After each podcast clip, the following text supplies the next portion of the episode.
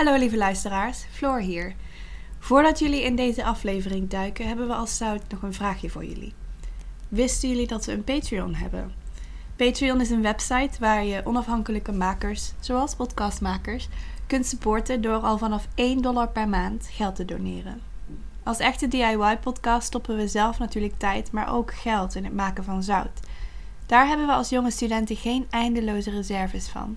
We zouden best wel een helpend handje kunnen gebruiken. Helemaal omdat we de kwaliteit en toegankelijkheid van de podcast heel graag nog wat zien verbeteren.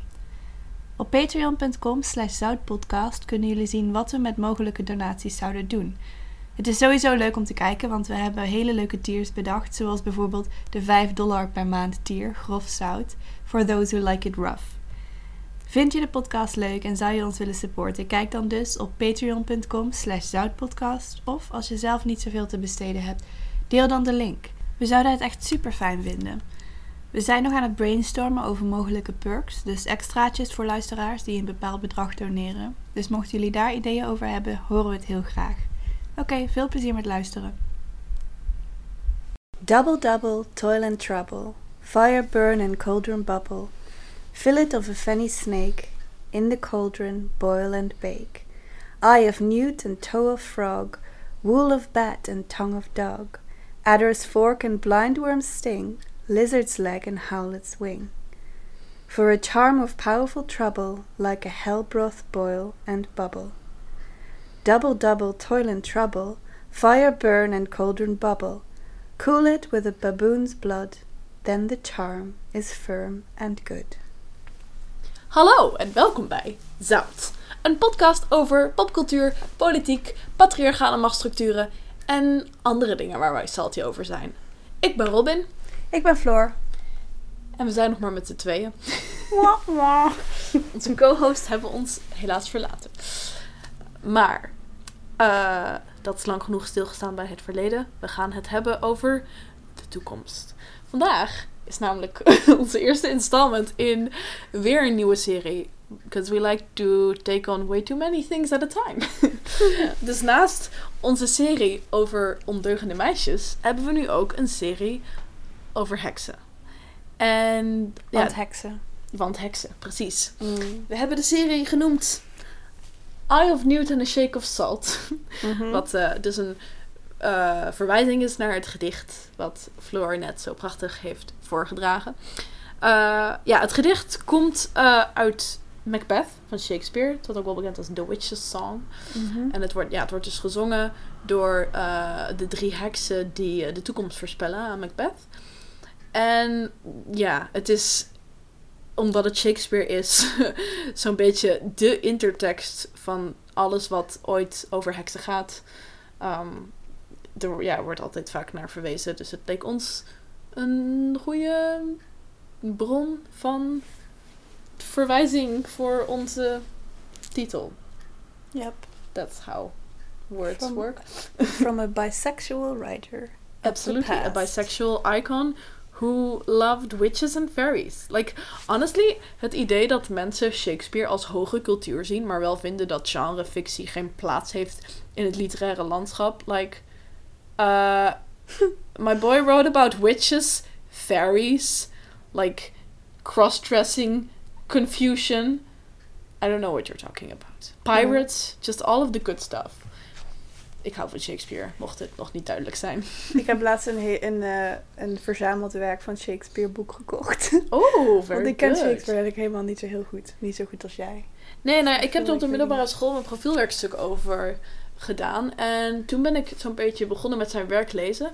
Eh, en toen dacht ik dat ik het allemaal heel saai zou vinden. Want ik bedoel, een dode oude witte man. Mm, Wat kan daar nou interessant aan zijn? Maar I don't know. Ik vind echt dat Shakespeare's werk, it holds up. mm. En ja, goed, je hebt natuurlijk Hamlet waar iedereen altijd naar verwijst. En ja, ik vind Hamlet wel goed, because, you know, I love a bit of angsty white boy drama. with, with lots of queer subtext, mind you. Um, maar het is zeker niet zijn meest interessante werk, vind ik. Maar goed, we gaan het niet over Shakespeare hebben vandaag verder. Nee, Dat was niet de bedoeling. Maar we hebben wel ehm, twee segmenten vernoemd naar... Of vernoemd. We hebben twee segmenten met de titel. Die verwijst naar, ook naar, verwijst naar het gedicht. yes. Ehm, Maar moeten we eerst even zeggen waar we het over gaan hebben? Waar we het dan wel over gaan hebben. Ja.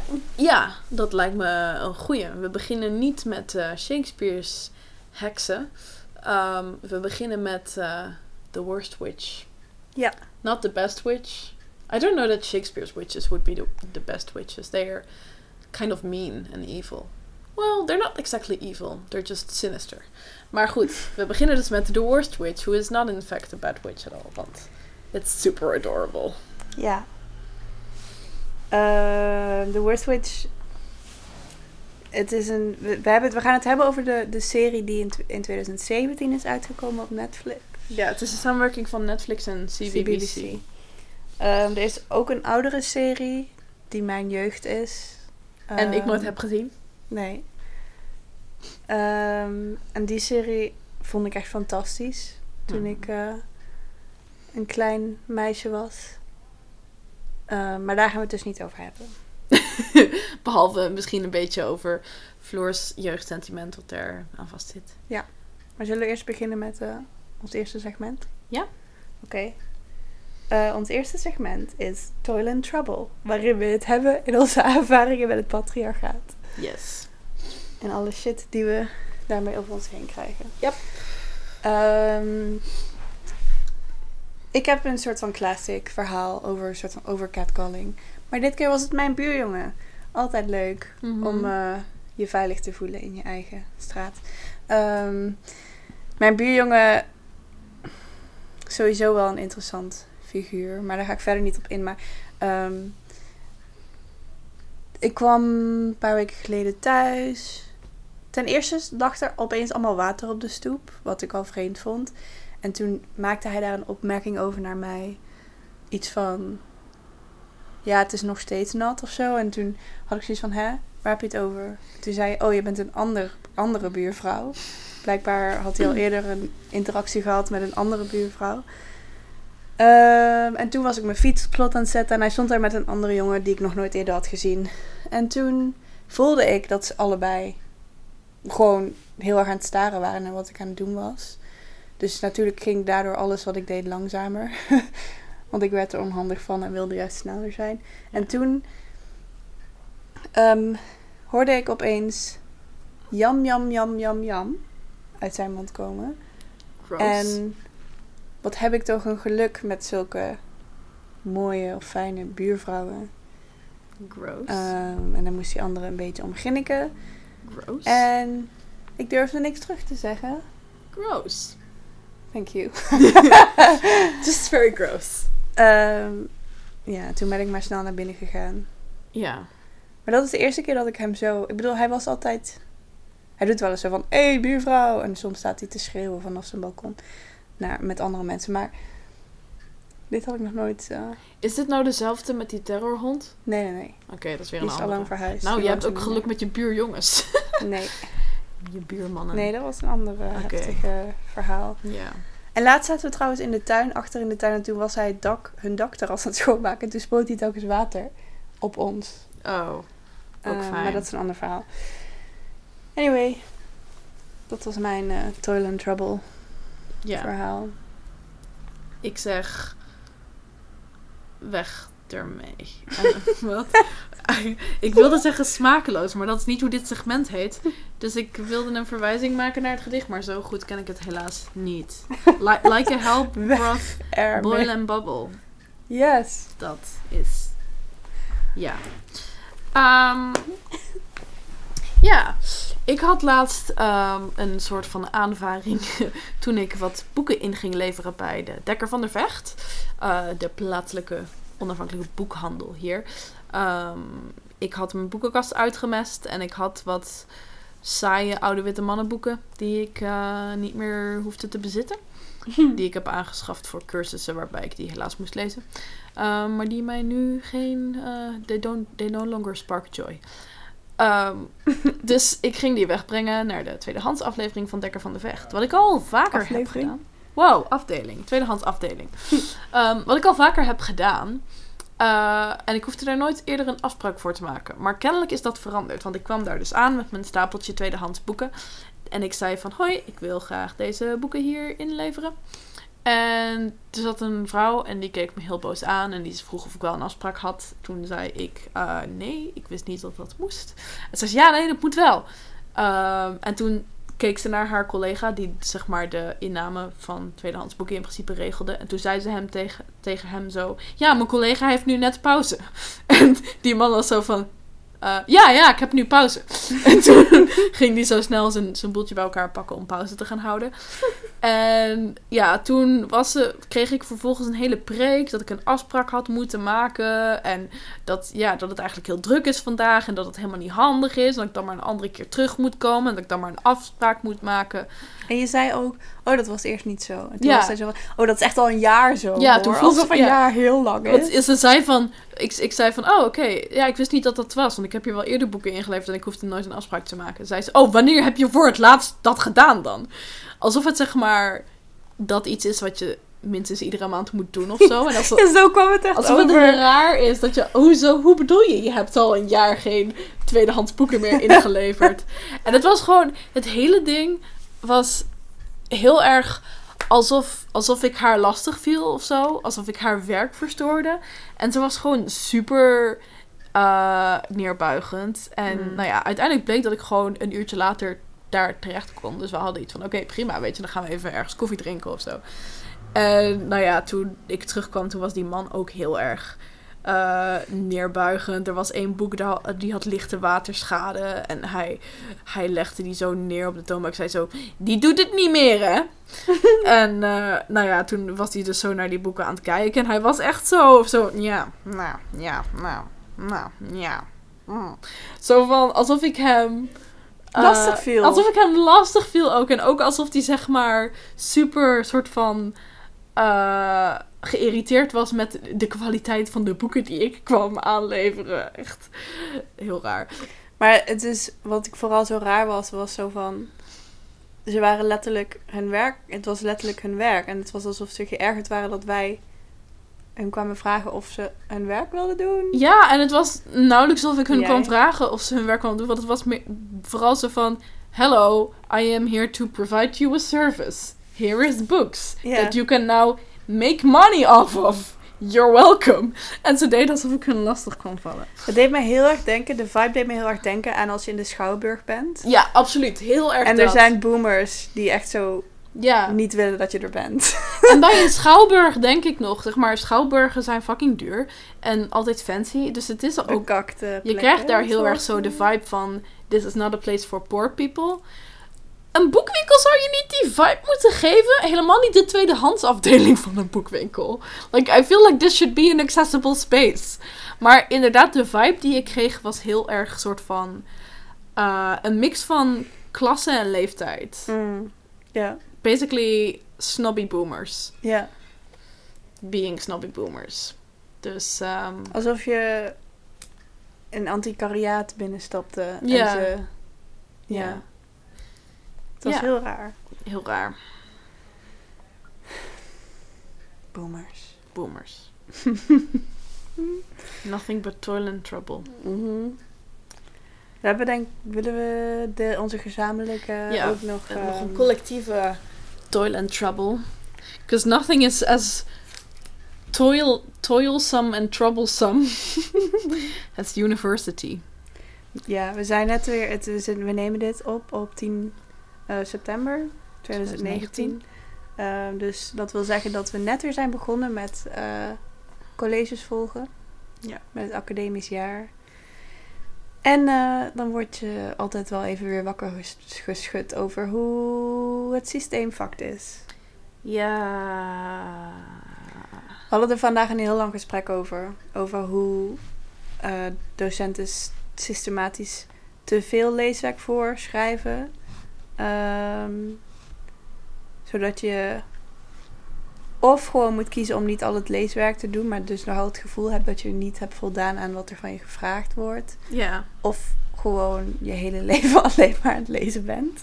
Ja, en ik heb het daar wel eens met docenten over gehad. Dat ik, dat ik echt een soort van met, de, met mijn handen in mijn haar stond van... Ik weet niet wat ik moet doen. Want zelfs als ik de hele week niks anders aan het doen ben... dan teksten lezen om me voor te bereiden op colleges... dan nog lukt het me niet om alles op tijd te lezen.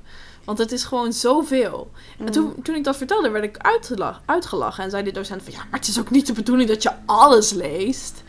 En dan krijg je van die vage tips als, nee, je moet het scannen. Nee, je moet het diagonaal lezen. Nee, je moet het globaal lezen. Of nee, je moet het verkennend lezen. Of weet ik veel. En nou ja, maar ook zo van, oh nee, lees gewoon zoveel mogelijk. Oh, je hoeft niet alles te doen, doe gewoon zoveel mogelijk. Wat is zoveel mogelijk? Nou, van wat ik begrijp is dat zeg maar zoveel dat je basically every waking moment bezig bent met leren, maar dan nog niet alles hebt gedaan. Dus je, ja, je stopt je hele leven in een studie en alsnog schiet je eigenlijk altijd tekort. Mm. En dat is natuurlijk ideaal voor het systeem, want daarmee word je altijd aangemoedigd om jezelf net te overstretchen, om net je grenzen over te gaan.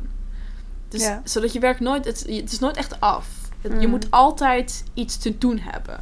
En dat is volgens mij gewoon echt fucking ongezond. En dat is Mm. ho- ook hoe heel veel eh, bedrijven in elkaar zitten. Vooral bijvoorbeeld heel veel horeca-franchises, zoals bijvoorbeeld Starbucks, weet ik dat van. Maar sowieso wel meer franchises doen dat, hebben een policy waarin ze eh, gewoon standaard hun filialen understaffen. Dus standaard net te weinig eh, personeel. hebben. Zodat het en onmogelijk wordt voor mensen om zich ziek te worden.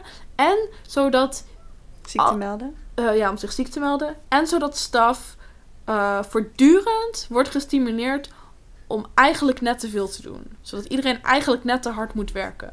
Want dat is goed voor het systeem. Behalve dat iedereen dan burn-out krijgt en dan krijg je ziektewet en dat soort dingen. Is eigenlijk helemaal niet voordelig voor werkgevers. Voor en ook niet voor ook. universiteiten. Mm. Want dat is nogal een, een opdonder voor het hele rendement, wat zo, oh zo belangrijk is. Ja. Maar ja, om eh, maar te illustreren hoe goed dat op onze studie werkt. Ik ben laatst naar de diploma-uitreiking geweest. Van wat eigenlijk de diploma-uitreiking van het jaar onder het onze had moeten zijn. Daar waren een handjevol studenten uit ons jaar. Eh, er zijn er vorig jaar denk ik drie afgestudeerd van ons jaar. Ja. En dit jaar dus nog een stuk of acht. Eh, een groot deel is nu nog steeds bezig. Van het jaar onder ons, het jaar dat het dus eigenlijk had moeten zijn, was er één Volgens persoon. de nominale ja, studie. volgens de eh, nominale studieuur was er één persoon die afstudeerde. Eén. ja. En dat jaar heeft meer studenten dan het onze. Hoeveel zouden het er zijn?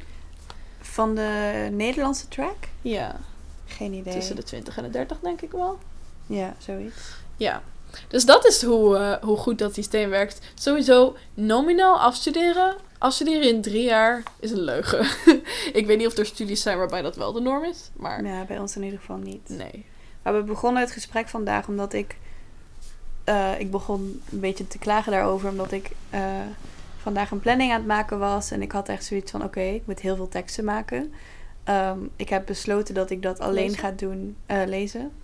Ik heb besloten dat ik al- dat alleen ga doen ehm, op bepaalde tijden, als ik ook begeleiding heb. En dat ik bepaalde dagen vrij wil houden, omdat ik ook vrije tijd nodig heb. En Mhm. ik heb, dat nu, ik heb nu een systeem waarin ik dat kan kaderen, doordat ik begeleiding heb dus, met studeren. Ehm, en ik heb ook heel erg geleerd, maar dat komt echt door, door mijn omgeving, dat voor mezelf zorgen belangrijker is dan eh, mijn studie zo snel mogelijk afronden. Waardoor het me nu redelijk lukt om te zeggen: oké, binnen, ik ga binnen deze tijd die teksten lezen. En als het, al, alles wat daar buiten valt, dat, kan, dat doe ik dan niet. Mhm. Maar eh, alsnog heb ik dan zo'n stressgevoel van: oké, dan heb ik dus het niet af. Ja. Ja, ik probeer dat nu ook een beetje zo te doen. Of in ieder geval, ik probeer zeg maar momenten te designaten waarin ik zeg maar gewoon niet studeer. Eh, maar dat, ik merk dat dat nog steeds niet goed lukt. Eén daarvan is, eh, ik heb op iedere dinsdag therapie.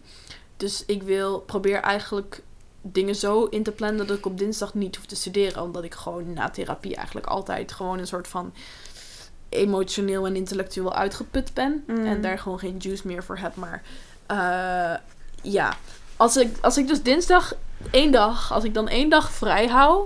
En verder plan ik heen om dingen als boodschappen doen en koken, de was doen, mijn kamer enigszins schoonhouden. Wat mij al heel slecht lukt.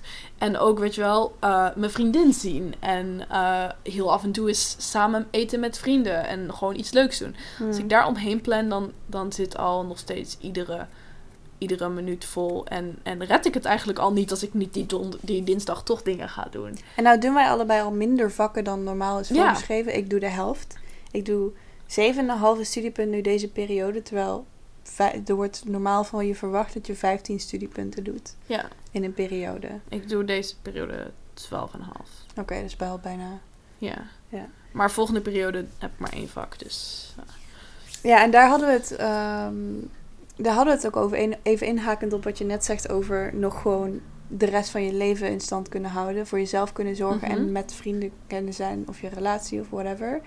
Ehm, ik las laatst ergens iemand die tweette over hoe, hoe die zo slecht was in een fulltime baan hebben en ook nog zichzelf kunnen onderhouden. En Mhm. toen reageerde iemand daarop met...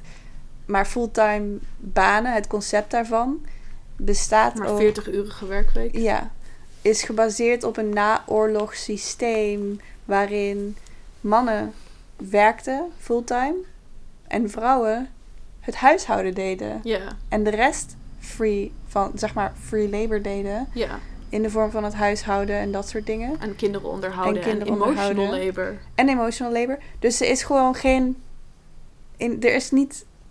eh, zeg maar, mensen verwachten nu dat je fulltime werkt. En daarnaast ook nog al die dingen doet. Ja, daarnaast een huishouden runt. Terwijl die dingen eigenlijk nooit naast elkaar hebben kunnen bestaan. De, de, ja, die werkweek is niet ingericht op dat je er ook nog een hui- huishouden naast moet runnen. Mm.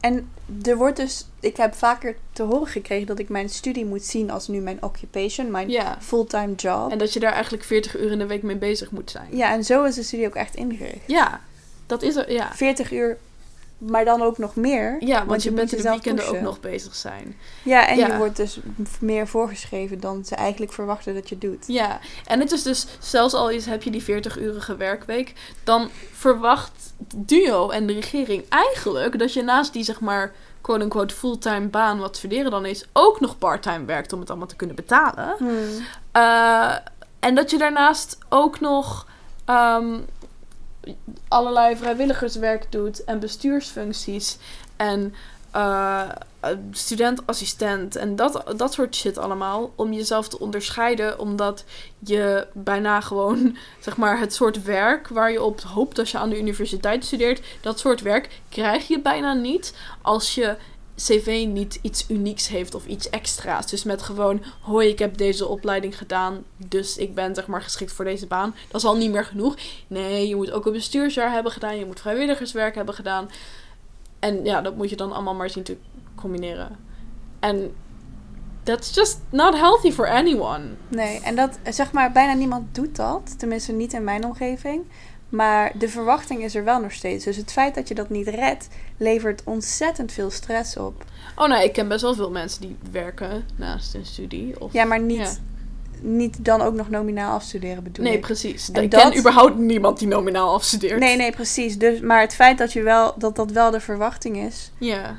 eh, en dat je daar niet aan voldoet. Dat levert heel veel stress op. Ja. En onzekerheid en een idee van falen. Ja.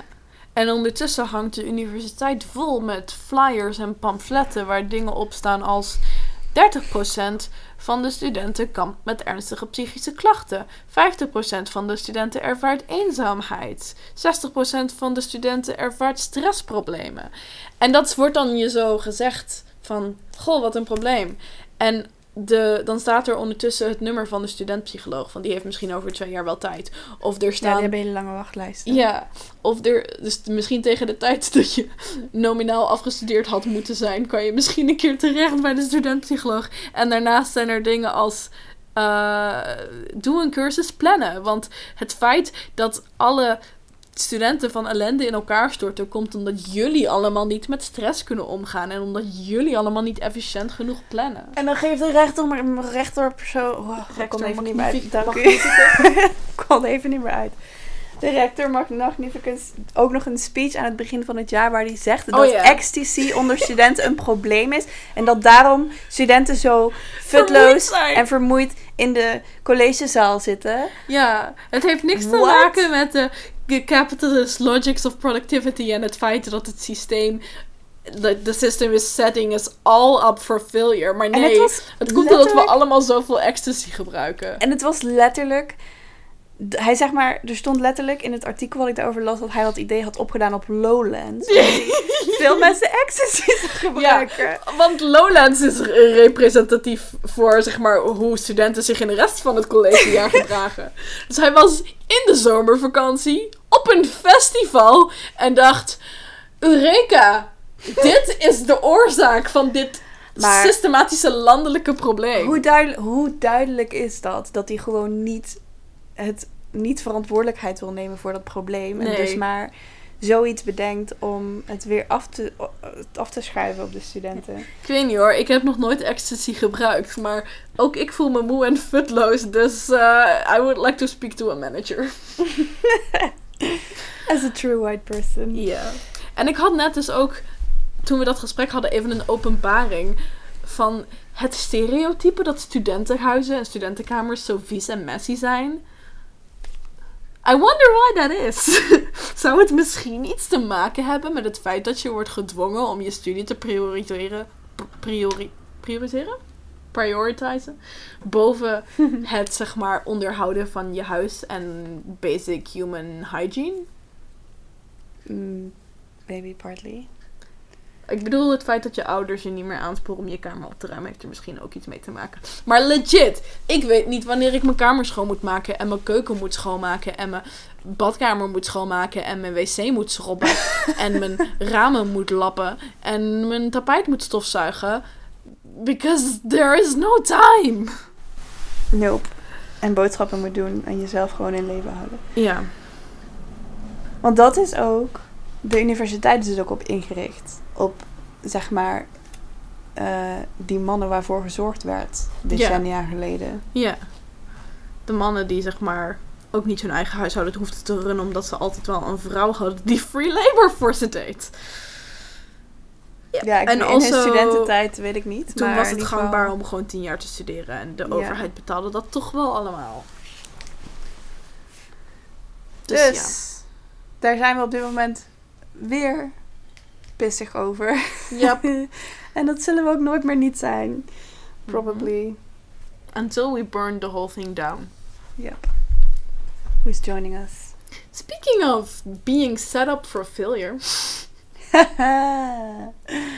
Let's talk about The Worst Witch. Yes, let's. Ehm, The Worst Witch is als eerste verschenen als boekenserie. Ja. Eh, geschreven door Jill Murphy. Ehm, Mhm. Voor het eerst in 1974 eh, verschenen. En toen is er vervolgens, ik geloof in het einde van de jaren 90, jaren Ja, 1998, 98. Ja. eh, is de eerste televisieserie erover verschenen. Waar ik dus eh, veel nostalgische gevoelens over heb. Als, je, als ik zeg maar dat opzet. Ik ging laatst even een, een aflevering terugkijken daarvan. Want ik herinner me daar niet hele specifieke dingen van. Maar toen ik hem opzette en begon dat intro liedje. Toen had ik weer wel echt zo'n gevoel van... Oh ja, ik vond dit echt heel leuk. Ehm, ja, het, is, het gaat basically over, een, over, een, over Harry Potter. Maar dan met een meisjesschool. Ja, Ehm, de hoofdpersoon is Mildred Hubble. En zij ehm, gaat naar een, kot, een kostschool voor heksen. Een kost- Kostschool. kostschool. Ja. Sorry, het kwam even moeilijk uit. Kostschool voor heksen. En zij is niet zo heel goed in magie.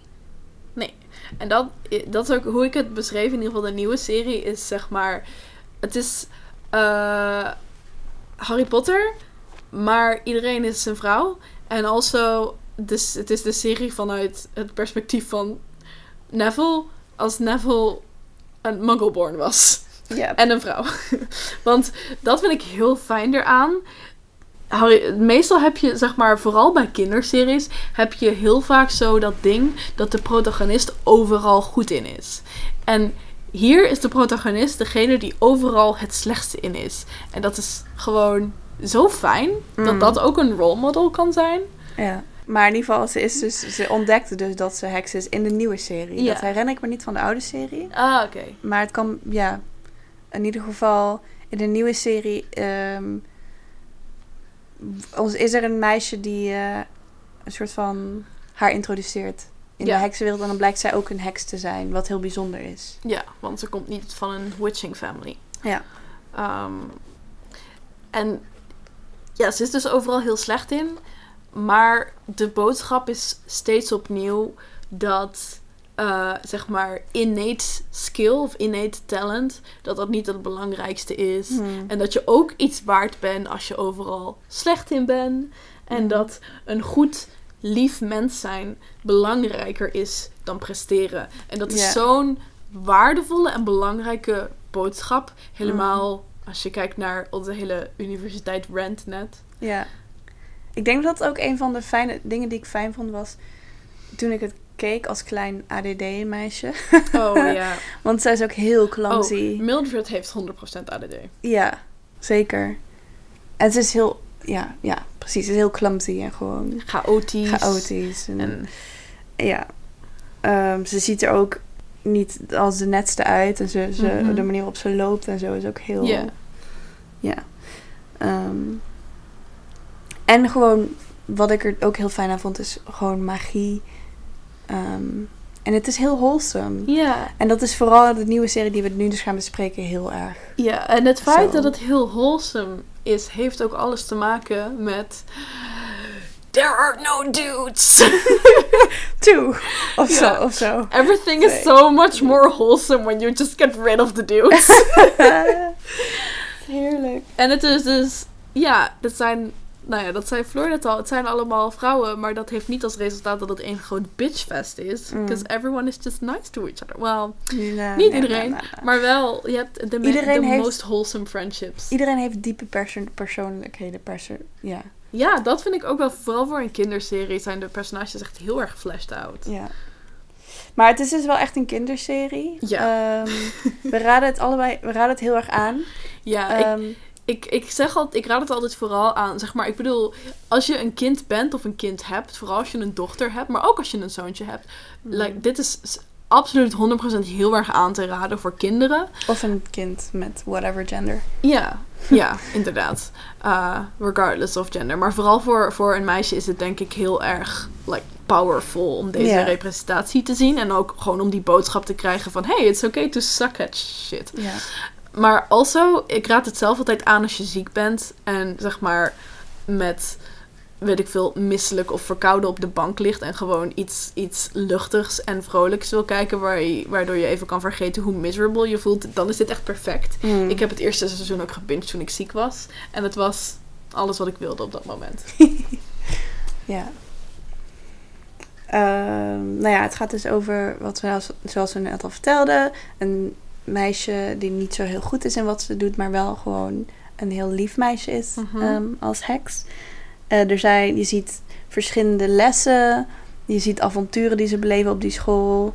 Ehm, en dat, ja, dat is eigenlijk gewoon waar het over gaat. Ja, ja het is allemaal relatief low stakes. Ja, For the most part. Er zijn wel eh, wat overkoepelende plotlijnen. Maar het grootste deel daarvan is gewoon zo van... Oeh, let's see the shenanigans dat Mildred en haar vrienden deze aflevering in terechtkomen. Hmm. Dat was geen goede Nederlandse zin. But we don't care about grammar here at South. zij komt dus als, ze moet als eerste een test doen om de school binnen te komen Ja, trouwens. Toelatingsexamen. Toelaat, en die haalt ze net, Volgens mij had ze het net niet. net niet, maar ze wordt toch toegelaten. Ja, want het ding is, ehm, ze haalt het net niet. En eh, dus daarom is ze niet zeg maar fully integrated into witch society. En dan in de eerste aflevering wordt meteen de school bijna vernietigd of overgenomen. Of in ieder geval bedreigd door zeg maar de evil twin van het schoolhoofd. Ehm, en en haar, eh, haar, zij bindt iedereen aan de witches code. Waardoor ze zeg maar niet tegen haar in kunnen gaan. Omdat ze allemaal gebonden zijn aan de witches code. En het idee dan is omdat Mildred haar examens niet heeft gehaald. Is zij niet gebonden door de witches code. En is zij Mm. dus de enige die tegen haar in kan gaan. En dan redt ze de school. En omdat ze de school redt, hebben ze zoiets van... Oké, fine, you can stay. Wat een, een terugkerend thema is. Yep. like, she sucks at everything, but then she ends up saving the school. And everyone is like, okay, fine, you can stay. Want ze wordt ongeveer iedere aflevering bijna van school gekikt. Ja. Ehm, en het is wel, wat heel grappig is, is dat je zeg maar een soort, eh, een soort van... Sommige dingen zijn, lijken heel erg op Harry Potter. Oh ja. Wat raar is, want de boeken zijn dus eerder uitgekomen. Ja. Maar in ieder geval, je hebt een soort van... Nou ja, het schoolhoofd, eh Ada, Kakel, zou een soort van wijs persoon moeten zijn. Maar dat is ze niet. Daar komen we later nog wel op terug. Maar zij is dus een soort van de lieve oude ja, vrouw in dit geval. She's Dumbledore. She is Dumbledore. But incompetent. Maar But. Dumbledore is also kind Ja, of dat is incompetent. Maar dat was ook inderdaad toen ik het, dat was wat waar ik me echt eindeloos mee amuseerde toen ik dit voor het eerst keek. Want vooral in de, in de Netflix-versie is dat super blatant. Like, everyone is Harry Potter characters but female. Want je hebt, femme, je hebt Ada Kakel, which is femme Dumbledore. Ze is grijs, ze draagt fuzzy roze truien en ze geeft iedereen snoepjes. Dumbledore. She likes smuggle candy. Oh, ze is een Dumbledore. schoolhoofd. Ja, ze is het schoolhoofd. En dan heb je Miss Heartbroom, Our favorite. our favorite, who is literally female Snape, but less shitty. Maar wel, zeg maar, haar aesthetic is hetzelfde. Maar zelfs de manier waarop ze praat, die actrice kopieert gewoon Alan Rickman. letterlijk, ja, de, de line delivery van Alan Rickman.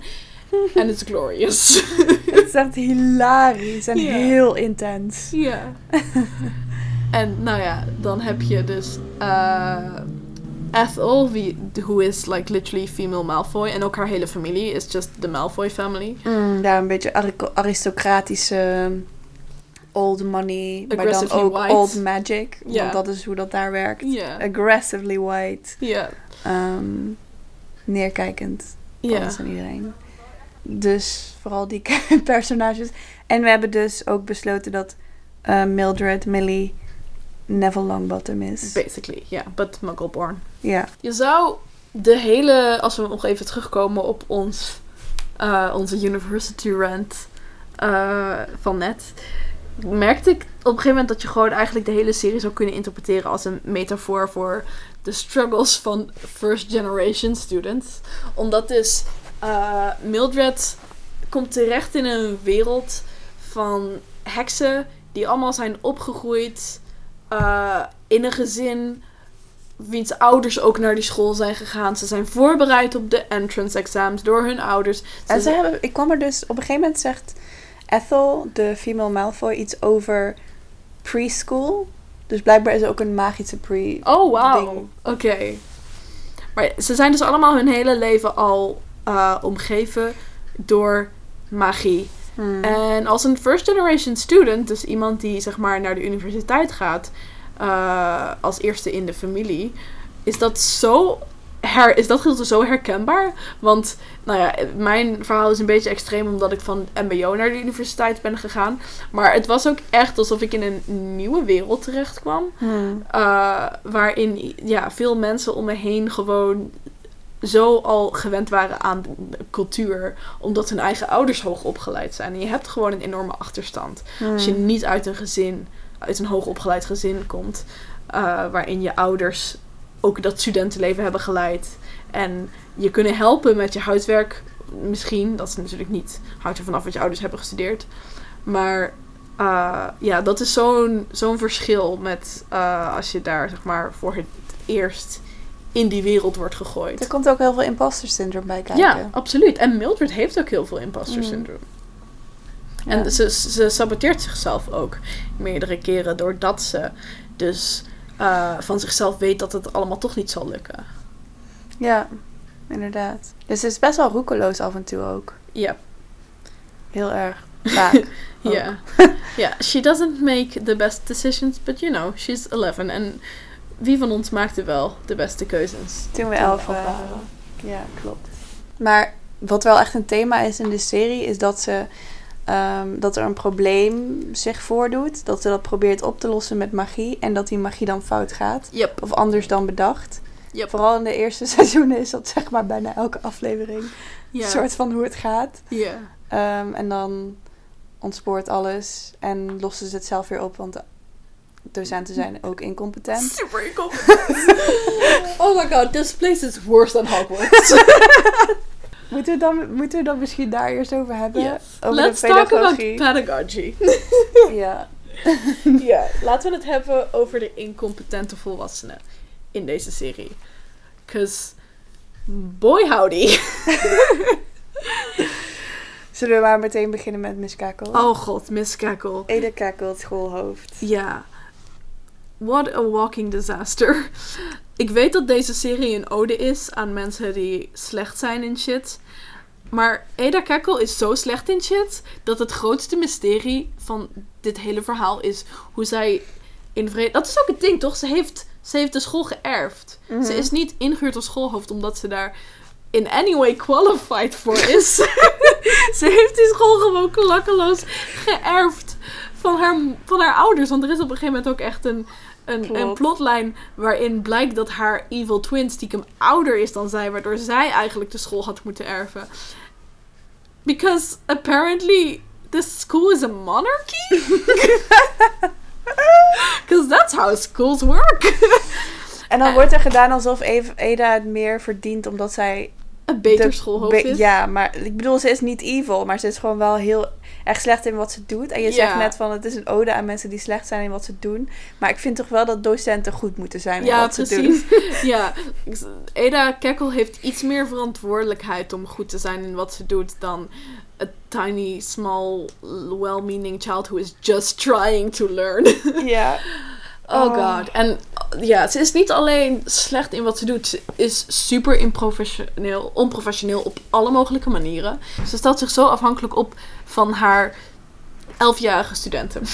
Ja, zeg maar, alle, ze ziet dat ehm, Mildred heel... Millie, ik ga haar Millie noemen, vind ik fijner. Ja. Dat Millie heel erg de neiging heeft om eh, alle problemen die ze tegenkomt op te lossen. En zeg maar de hero uit te hangen Mhm. een beetje. Maar dat moedigt ze ook heel erg aan. En ze like, vraagt haar letterlijk That's convenient for me. de school te redden. Yep. En haar te redden. En naar haar gevoelens te luisteren. En Ja, in de plotlijn waarin dus blijkt dat Ada Kekkels evil twin eh, eigenlijk het geboorterecht op de school heeft. eh, is er een moment. Nou ja, Mildred is dus de enige andere persoon die dat weet.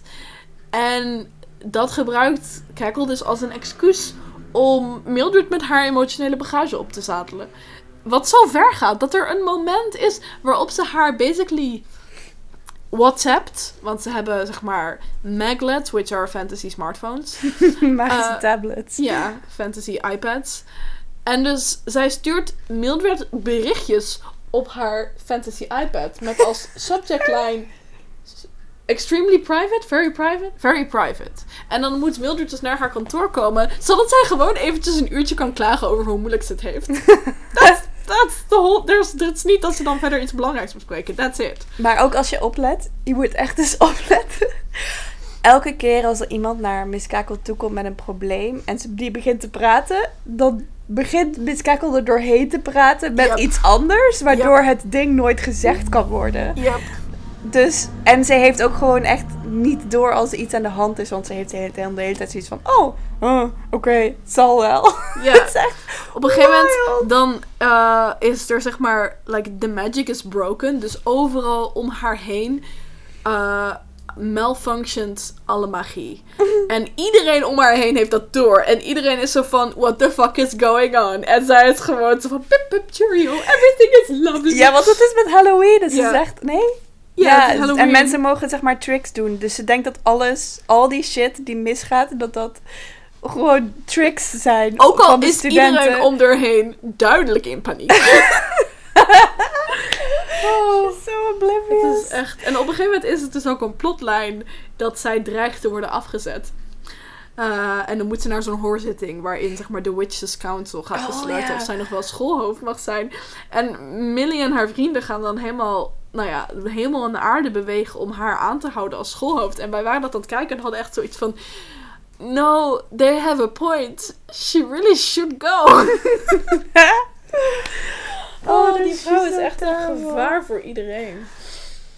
Ja, ik heb letterlijk ergens opgeschreven ehm, dat Ada should be sacked and they should all go to Miss Pentangle's school. Er zijn min- meerdere magische scholen. Ja. Ehm, en een daarvan is van Miss Pentangle.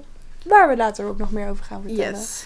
Ehm, en zij is, nou ja, Oh, haar, in het begin is zij zeg maar... absoluut beter. Ja, ze heeft ook wel momenten waarop dat die niet zo goed is. Maar Absoluut. Maar haar uitgangspunt is uh, just do your best. That's all I ask of any of my pupils. Wat echt een gigantisch, dat zegt ze tegen Mildred. Mm. Uh, wanneer Mildred voor de zoveelste keer een of andere test moet doen om zich te bewijzen om haar plek op Cackles te kunnen houden. En Pentangle zegt dus van als je je best doet, dan ben je welkom op mijn school. Because that's how pedagogy works. En ja, dus dat is nogal een contrast met het systeem op Cackles, waarin iedereen zich voortdurend moet bewijzen. En anders uh, verliezen ze hun recht op education. ja. En worden ze van school gekikt. Niet omdat ze nou iets verkeerd doen, maar gewoon omdat ze niet goed genoeg zijn. ja echt, echt meerdere malen Ja. is dat een thema in die... Want, en dan omdat dat traditie is. Omdat Ja. het zo altijd al wordt gedaan. Ja, en eh, nou ja, het gebeurt dus ook. Het gebeurt twee keer dat er een nieuwe student is. Die eigenlijk. Beide keren is dat trouwens een zwarte student. Wat ook interessant is. ehm, die, Mm. Waar wordt gedreigd om die van school te, te eh, sturen. Voor questionable reasons.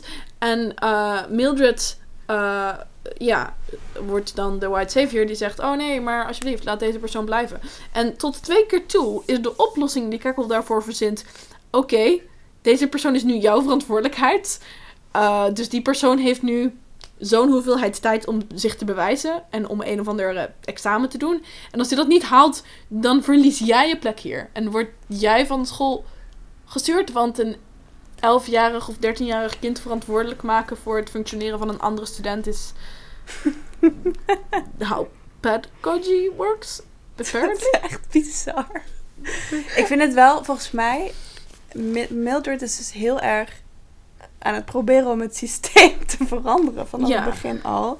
En er, zet- daar worden hele kleine stapjes in gezet. Maar het feit dat Millie de hele tijd die school aan het redden is... en ook gewoon beter weet hoe, hoe systemen verbeterd moeten worden... op meerdere gebieden. Mhm. Ehm, en dus de hele tijd... Oh my god. This is... She's us. I'm sorry, but like... That's why I love the show.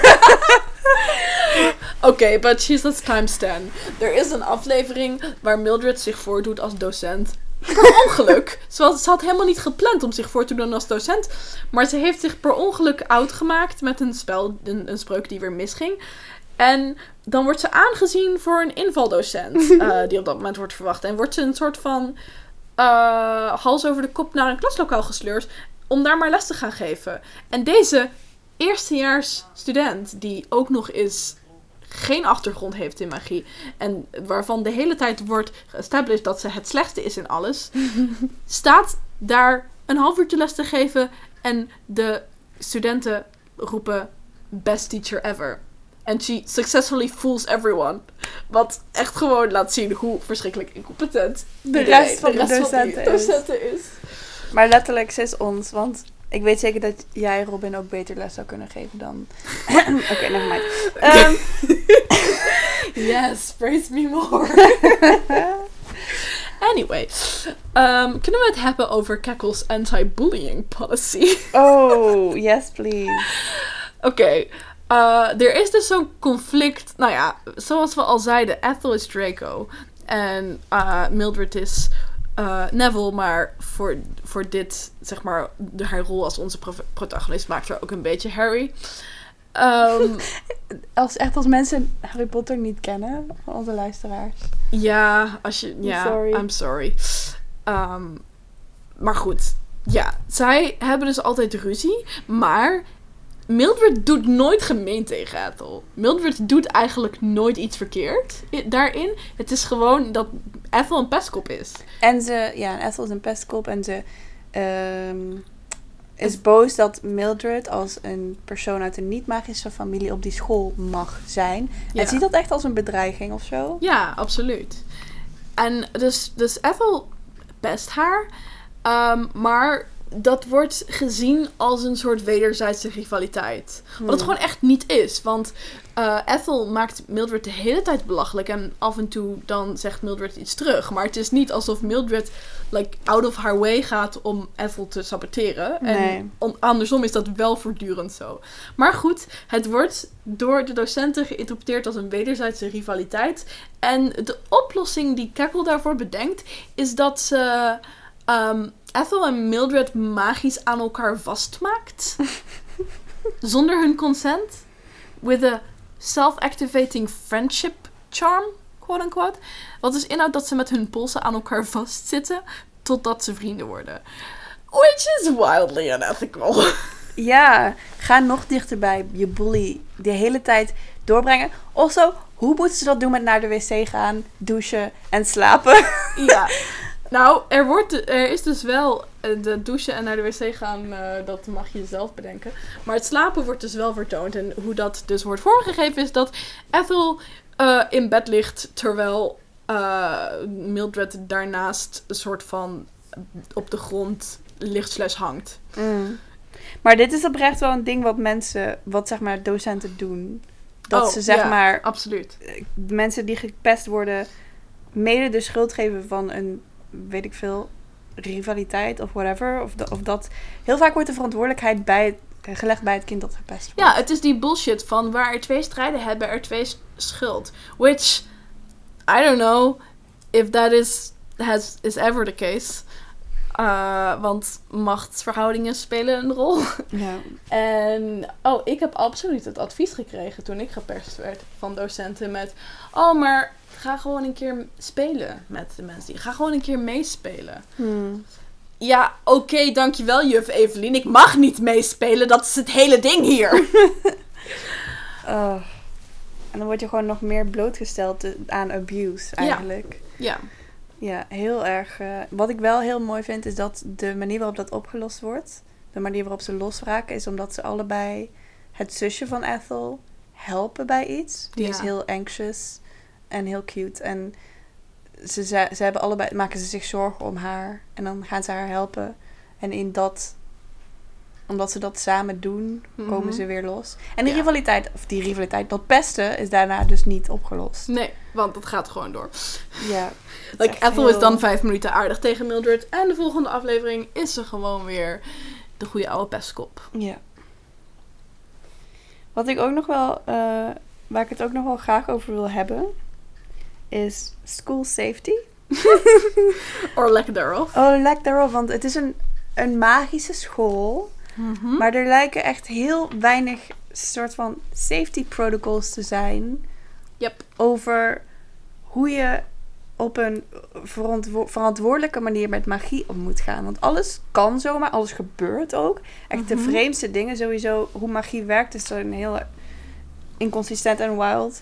Yep. Ehm, Small children know how to make love potions. Have access to the knowledge of how to make love potions. Ja, Which we all know is basically fantasy date rape. yep. It's wild. Maar soms sowieso, de levels van magie, het is heel raar en onduidelijk en inco- inconsequent. Maar alles kan dus gebeuren, want eh, er zijn geen grenzen. Het lijkt wel er is aan de basically magie. geen, geen supervision. De, de bibliotheek van Cackles kan leren van Harry Potter in het hebben van een restricted section. Mm. Because they clearly don't. Hebben ze een bibliotheek? I don't know. Nou ja, in ieder geval. eh, ze hebben wel access. Ze hebben wel boeken waar ze inderdaad de meest random spells vandaan halen. En het zijn dan wel spells die niet mogen. Of zeg maar, er zijn wel restricted spells. Daar heb je, hebben ze het op een gegeven moment Ja, wel ja. over. Maar iedereen doet het maar gewoon wel de hele tijd. En, Ja, en die spels zijn allemaal zo makkelijk dat elfjarige Ja. kinderen ze gewoon kunnen. ja, want wat de spells zijn is basically gewoon zelf bedachte rijmpjes. Yep.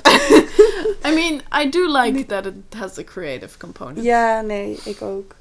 Maar ja, dat vind ik gewoon eh, heel interessant.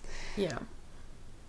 Trouwens, want dat is inderdaad, het lijkt op een gegeven moment dat het allemaal rijmpjes zijn, maar ehm, ze hebben ook potions Ja. en, en chants. En poeder. En, maar dus niet, er is ook een soort van moderne, wat was dat ook alweer?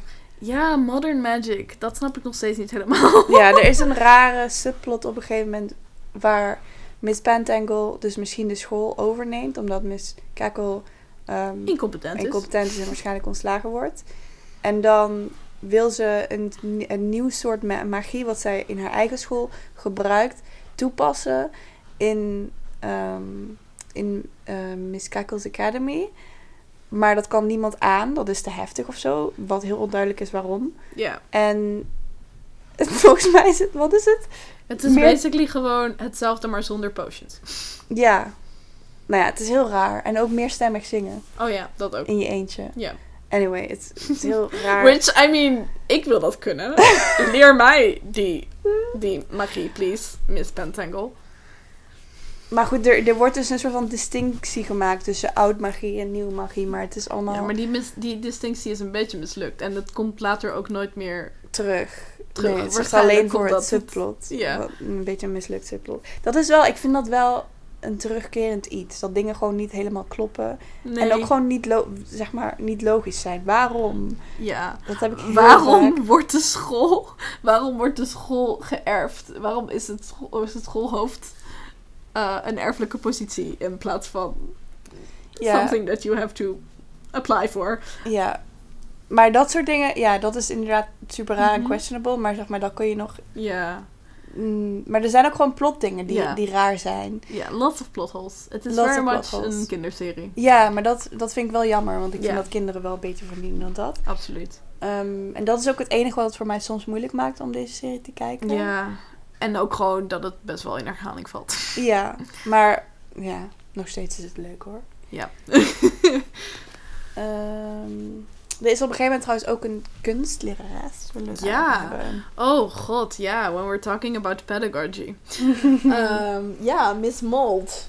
Eh, Ja. Miss Mold is eh, inderdaad de, de kunstlerares. Natuurlijk vindt een groot deel van het personeel op Kegels dat kunst nergens voor nodig is. Vooral Miss Hartbroom. Ja. Miss Hartbroom heeft een interessante kijk op educatie. Ja. But we still love her. Yes. Forever. Ehm, maar ja, het is een beetje tragisch, want Miss Mold is eigenlijk de enige lerares die ehm, ja, goede pedagogische principes aanhoudt. Eh, but also she's evil. Ja, zij is dus de, de, de zij kondigt zich opeens aan als kunstlerares. Ehm Miss Hartbroom vindt het onzin dat dat vak wordt gegeven, want art is frivolous. En is immediately suspicious. Wat echt heel, ik vind dat echt heel jammer, want het hele concept van magie is zo unrational. En Ja. eh, ja, ik vind het heel jammer dat in dat systeem art dus ook wordt gezien als een van als een Ja, maar ik eh, denk, pretpakket. Zeg ik denk maar. dat al, al, ehm, al ehm Heartbroom's reservations... Zeg maar, haar, Heartbroom is in het begin ook heel erg hard-ass over dat iemand van een non-magical family geen plaats heeft op een eh, heksenschool. Mm. Daar krijgt ze later een reden voor. En ik denk dat dat ook verklaart waarom ze zoveel beef heeft met art. Oké. Maar daar komen we straks wel op. Ja, daar komen we straks wel op. Ehm, maar goed, die, die lerares die dat geeft, eh, Miss Mold, Mhm. zij is heel erg stimulerend voor die kinderen. Zij, zij inspireert hen echt hun creativiteit. En vooral voor Millie, die heel erg nodig heeft om alternatieve vormen van educatie te ontvangen. En Mhm. aangemoedigd te worden in, haar, in waar ze goed in is. Ja. Is zij een hele goede lerares. Ja, en, en kunst is ook het enige waar Millie in uitblinkt. Ja. Ja. En er is dus op een gegeven moment een aflevering waar ze wordt uitgen... Dat zie je trouwens ook niet meer terug met die staf. Nee. Maar waar ze door ehm, Miss Mold wordt uitgenodigd om een eigen staf te maken. Omdat Ja. ze daardoor haar, haar magie beter kan focussen. En ze is daardoor ook veel beter in haar magie. Mhm. Maar dat, ja, daar wordt op neergekeken. Want staffs are only for wizards. Which is the most stupidly phallic thing. And has no place in a children's show. Leave these kids alone with your dick jokes. Eh, Maar goed, zij heeft dus zoiets van: oké, we gaan voor jou op zoek naar manieren waarop je wel kunt functioneren in dit systeem. En dat is gewoon goede pedagogie. Dat is hoe educatie zou moeten werken. Eh, En maar dan, goed, zij is evil. unsurprisingly, that, like, die vorm van eh, accessibility en, en ja, wordt dan gedwarsboomd door ehm, het patriarchaat. Ja. ja, oh, met die staf bedoel je? Ja. Ja, dat, oh, ja inderdaad. De, je hebt een Great Wizard. Wat sowieso, de Great Wizard is een soort van the king of the magical eh, Community. community. Heel raar systeem. Maar die ehm, is dus een beetje ook van de, Van de oude stempel. van de oude stempel, traditioneel. Er is dus een aflever deze aflevering waar we het nu over hebben. Zijn kleinzoon wil heel graag zingen. En dat is de vrouwelijke manier van chanten. is De vrouwelijke van, manier van magie. beoefenen. En dat doen ze dus ook heel veel op die school. Mhm. Maar dat, daar, dat mag dus niet van de Great, Wi- Great Wizard. The Great Wizard. Ehm, en Millie mag dus ook niet een staf gebruiken. Mhm. En volgens mij wordt dat op het einde wel in die aflevering een soort van. Ja, Mildred resolved. redt de school again. Door met haar staf haar magie te focussen. Mm. Uh, en de- uiteindelijk wordt resolved dat uh, Mildred haar staf mag houden en het jongetje mag uh, chanting lessons nemen. Sowieso super interessant, die, die extreem rigide genderrollen waarin vrouwen magie maken met hun stem, dus met hun lichaam en Mhm. met hun uh, embodiedness. En mannen met een vallus.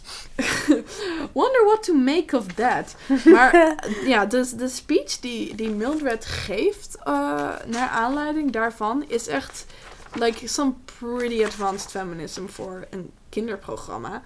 Haar quote, de, de letterlijke quote is: Wizards keep all the good stuff for themselves to stop the witches getting too powerful. Which is so true. En, dat, en dat, blijkt, dat blijft ook wel een, een thema. De, de macht die Great Wizard heeft is echt insane. Mhm. Sorry, dat is ableist. Ja, Echt wild. Bananas. Ben bananas. Ja. Maar even om terug te komen op die kunstlerares. Ja, Uiteindelijk, spoilers, she's Deze- evil. Dit hele, dus she's evil. Altijd heel. Ze, ze is wel een soort van. Ze she's evil, maar uiteindelijk toch ook weer niet. Want ze komt wel, keert zich wel een soort van terug naar de.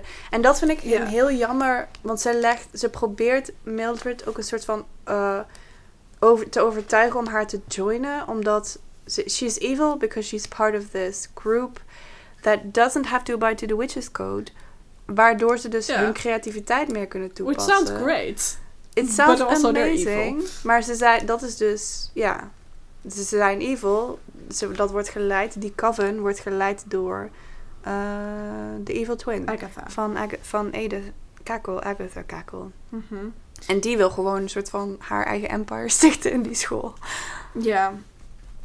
En Ehm. eh, ja, zij is dus wel, hoewel ze dus zeg maar evil is, is wel gewoon echt een goede docent die ook bijvoorbeeld niet fan is van standardized testing. Ze zegt ook dat eh, op een gegeven moment hebben ze examens en dan vindt ze dat het onzin is dat ze ook examens hebben in, eh, in art. En dat ze zegt, in my opinion, creativity should never be graded or assessed.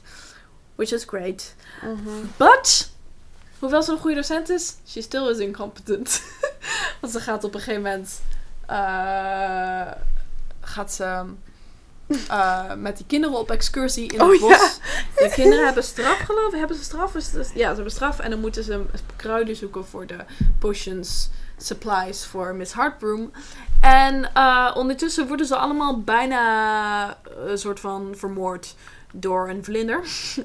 een psychedelische vlinder die je in een soort van eh trance brengt. En als dat niet wordt gefixt binnen een zoveel uur, dan eh, blijf je voor eeuwig in die trance. Dus ben je gewoon voor all intents and purposes een soort van hersendood. Um, which is terrifying. En ehm, ja, terwijl dat zich allemaal eh, voltrekt, staat Miss Mold gewoon lekker te schilderen. En op een gegeven moment... Hm? Ja, Miss Mott is volgens mij wel de eerste die daar getroffen wordt, door, door getroffen wordt. Ja, Maar ja. dat komt dus omdat zij, zij weigert hun te begeleiden en zit gewoon Ja. haar eigen ding te doen. omdat zij lekker staat te schilderen. Ja. En op een gegeven moment dan komen ze er dus achter dat zij gehypnotiseerd is door die vlinder. En dan krijg je zeg maar een idee van wat ik wel heel erg waardeer aan Ethel. Namelijk dat al die kindertand zou zijn van... Oh nee, Miss Mold is gehypnotiseerd door deze evil vlinder.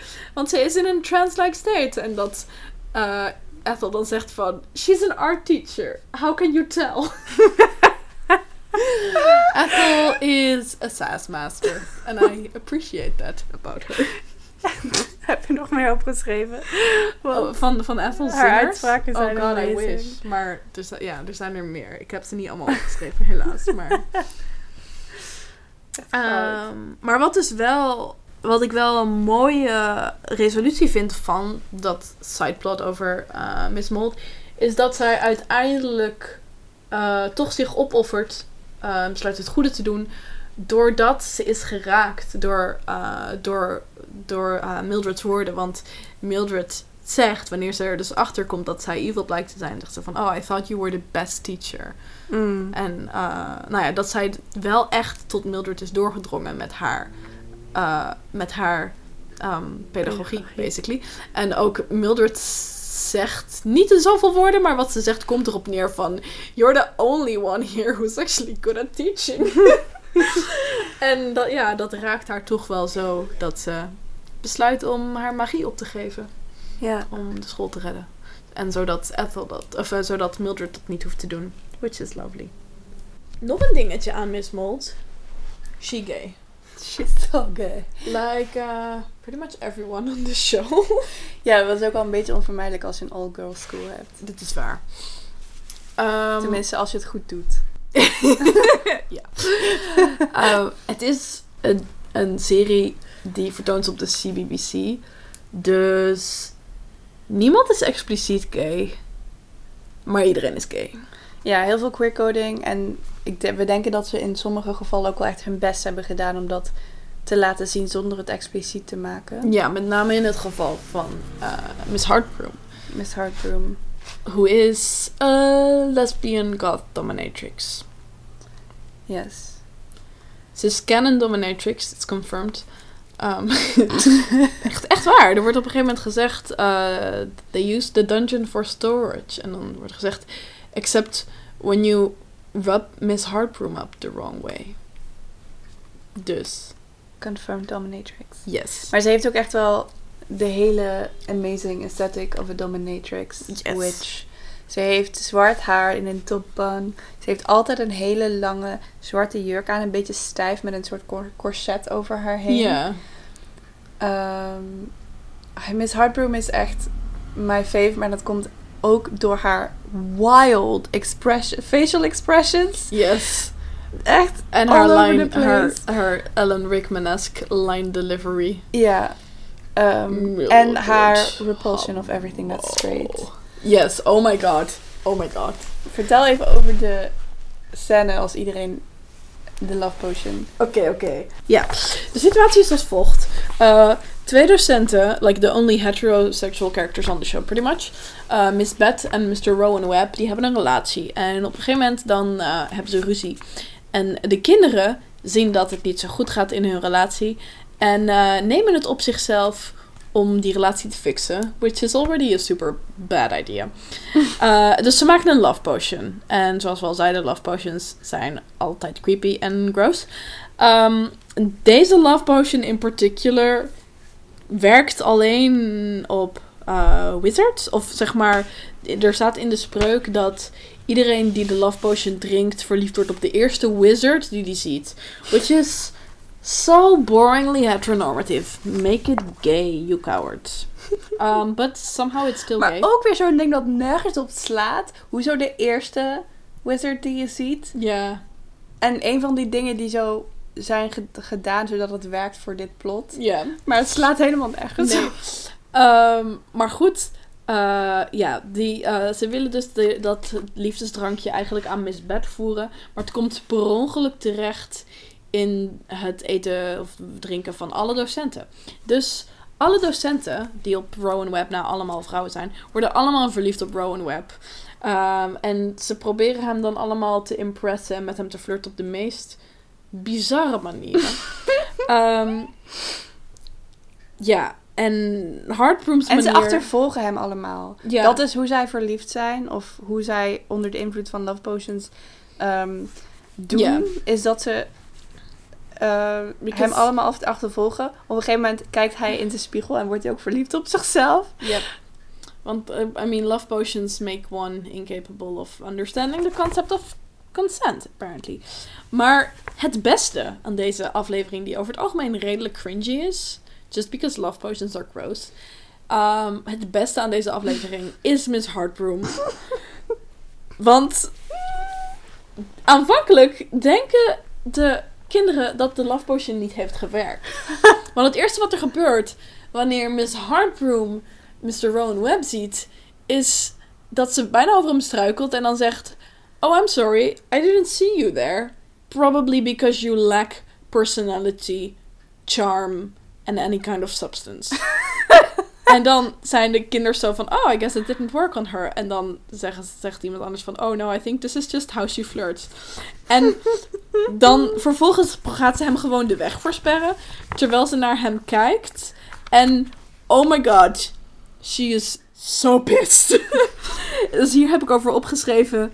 Even when in love with a dude, Miss Heartbroom is still so gay. Flirts by insulting him. Utter dumb.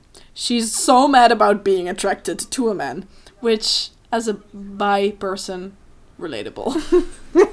Ze is echt helemaal in shock en weet totaal niet wat ze zelf aan moet. Dat ze opeens so pissed. een man... It's amazing. Maar goed, als dat niet genoeg bewijs is dat Miss Heartbroom helle helle gay is, uh, there's more. Um, ze is duidelijk uh, de ex van Miss Pentangle. Die, nou, dus het andere schoolhoofd van die andere school. Uh, which is amazing, want hoewel Miss Heartbroom dus van top tot teen altijd in zwart is gehuld, meestal met minstens ergens wel wat leren accenten, is Miss Pentangle altijd van top tot teen gehuld in roze. Amazing pink dress. Amazing pink dresses. Like, And yeah, she's basically a Barbie doll, but in the best way. And also gay. Um, wat ook cool is, want ze is zo echt aggressively femme, maar ook super gay voor Miss Heartbroom. En De hele- manier waarop ze Miss Hardroom benadert is best is heel zachtaardig Ja. en intiem. En Miss Hardroom is best wel hostile naar haar. Mhm. Ehm, ja, je komt te weten dat ze samen op school hebben gezeten. Ja. Ehm, en het wordt heel erg dik erbovenop gelegd dat ze toen heel intiem waren samen. Ja, ze waren beste vriendinnen. Ehm, ik, ja. En ja. Dus ja. De subtekst is gewoon dat ze een relatie hadden en dat ze verliefd op elkaar waren. Ja, En nog steeds zijn. ja. Ze noemden elkaar Hiccup en Pipsqueak. It's adorable. Ja, het is gewoon- het is gewoon. Zo intiem en gelaagd. De Mhm. manier waarop ze refereren aan hun verleden. En de manier waarop het Hardroom ook uncomfortable maakt. Ja. Om het daarover te hebben. Ja. En dat ze allebei gekwetst zijn over... Nou ja, basically dat ze verschillende verwachtingen hadden van die vriendschap. Vriendschap in giant square quotes. Vriendinnen. Square quotes. Vriendinnen. Ja. En ehm, ja, En er is nog een... als dat je nog steeds niet overtuigt dat Miss Heartbroom gay is, dan is er nog de aflevering waarin zij eh, een toverdrankje krijgt van Beatrice, I think. Ehm, om haar wat aardiger te maken. Wat is het? Personality Reversal Potion? Or Mhm. something like that. Eh, waardoor zij in plaats van Miss Heartbroom Miss Softbroom wordt. Miss Softbroom. Ehm, waarover ik heb opgeschreven: Softbroom is, in all caps, the gayest and the horniest. Basically, onze strict disciplinarian drinkt dit toverdrankje. En letterlijk het eerste wat ze doet is haar haar losdoen. Ehm, Heel hot, ja, by the way. ja, best wel. Weirdly, ja. Vervolgens spendeert ze de rest van de aflevering met door het kasteel zwabberen, ruikend aan een roos en flirten met iedere vrouw die ze tegenkomt. en met flirten bedoel ik niet, oh, subtext die kinderen zullen missen of mm, you just want to read everything as gay, which I do, but In dit geval, flirten bedoel ik tegen iemand aandansen met een roos tussen je tanden. This is not subtle. Oké, It's maar is very heavy-handed. het la- hele laatste seizoen. Ja, het hele laatste seizoen. Er is een... Moeten we dit spoilen? Ja, ik bedoel, we hebben alles al gespoild. Ja, als je, ja, als je het nog... Als je, het is niet echt een serie die zeg maar wordt verpest door het plot te weten. Nee, Ehm, maar dit is wel... Ja, dit is wel zo'n reveal. Ja, dus als je het, eh, de reveal aan het einde van seizoen 3 nog niet hebt gezien Nee, en de serie... Ergens in het begin al. Oh, het ja. feit dat... Oh ja, halverwege seizoen 3, begin van seizoen 3. Dan eh, moet je dit stukje maar even overslaan. Want dit, dit is ook een ding wat een beetje verklaart waarom Heartbroom is zoals ze is. Ja, why she's a classist piece of shit. ja. ehm, en dat is dat ze een verliefdheid had, op, ook in haar jonge jaren op school. Mhm. of, eh, of een vriendschap, maar heel duidelijk dik erop verliefdheid. Zoveel emotie en nou ja. ehm, met een meisje Indigo die- Moon. Indigo Moon. En zij is niet magisch. Nee. En dan zorgt Heartbroom of Joy, zoals haar voornaam Which is blijkbaar is, kom je er dan achter, want ze wordt altijd Hecate genoemd, maar. Joy is haar eerste naam. Um, which is amazing. Ja. Because like, ze zegt ook meerdere malen, Joy is no more. Ja. Of I am no, no longer Joy. Wat echt heel poëtisch is trouwens. Ja. Maar She's the least ja. joyful person. ja, ehm, maar ehm, zij geeft haar magische krachten, dat meisje, Mhm. die eigenlijk niet magisch is. En dat is dus against the witches code, dus streng verboden. Ehm, en dan alleen dat het, iemand die niet magisch is, magische krachten geven, kan, heel nagisch, kan hele nare bijeffecten hebben. En Ja. uiteindelijk versteent dat meisje. Ja. Ehm, en 30 jaar later wordt, die, wordt ze die spel reversed en is ze niet meer versteend, maar nog wel even oud als ze was toen dat voor het eerst gebeurde. En Hecate, zij, zij is dus docent nu op die school en heeft daar echt een trauma aan opgelopen en echt eh, besloten, nou ja, zo zich, sowieso zichzelf kwelt ze met het schuldgevoel daarover constant. En dat is ook de reden waarom ze dus geen mensen uit een non-magical ehm, family wil in die school.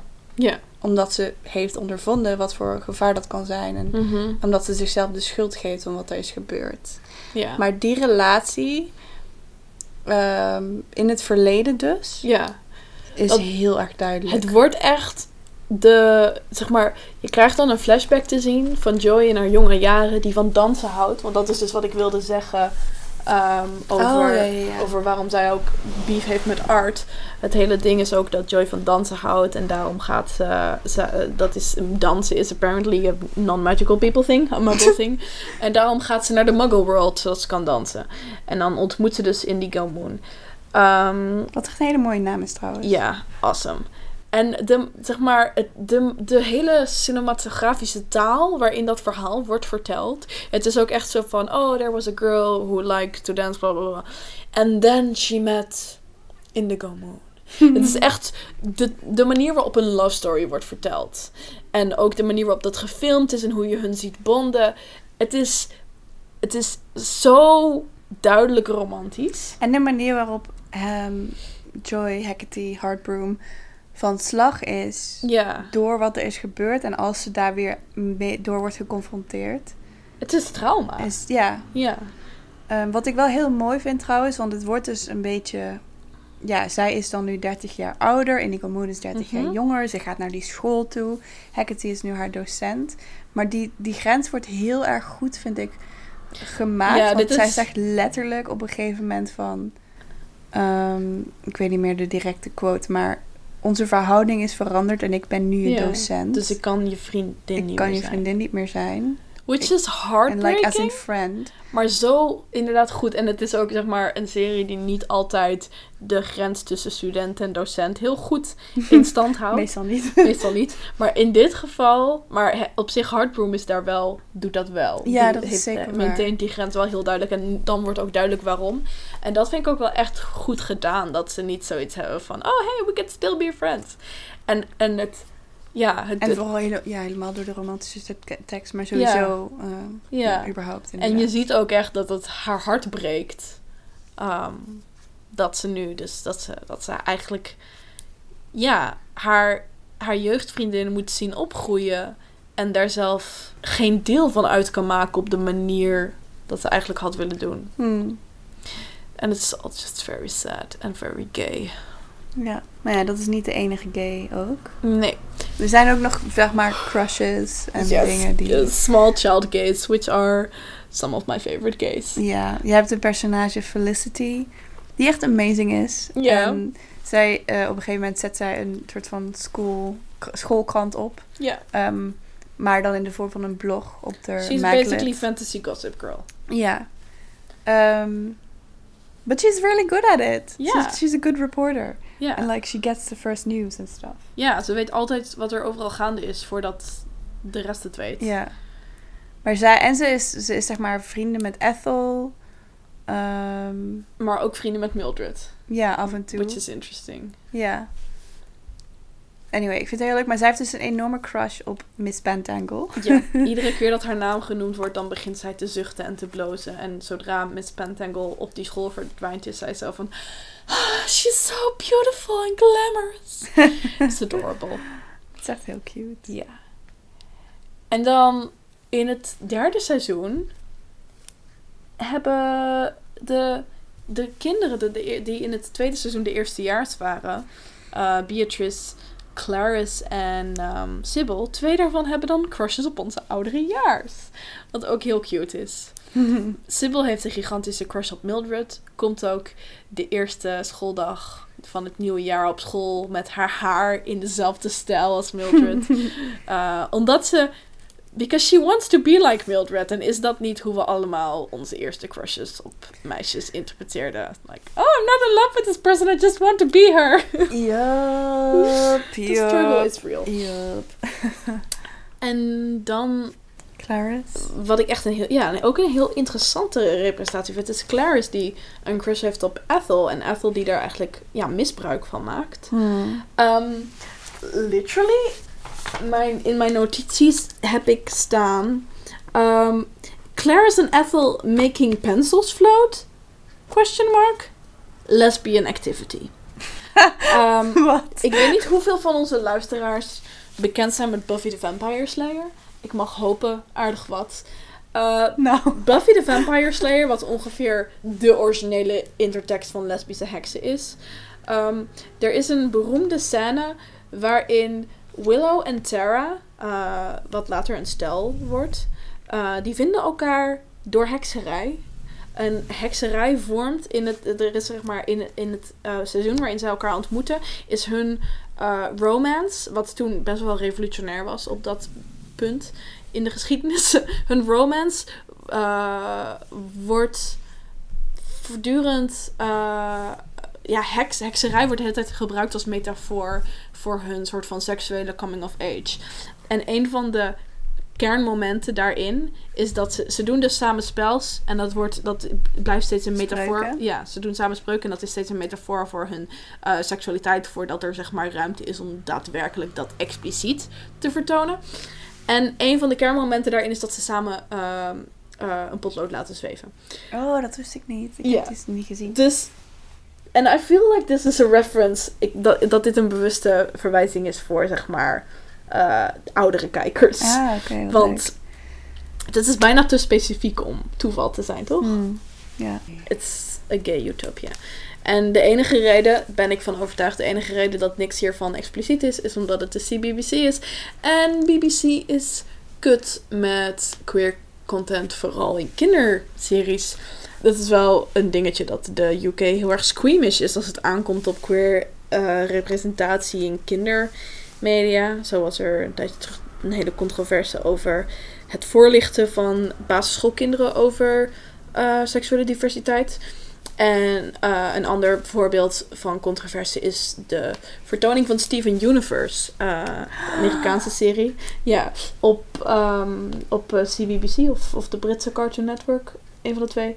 Ehm, waarop ook de, zeg maar, de, de kussen tussen ehm, ja, same-sex characters zijn gecensureerd. Serieus? Mhm.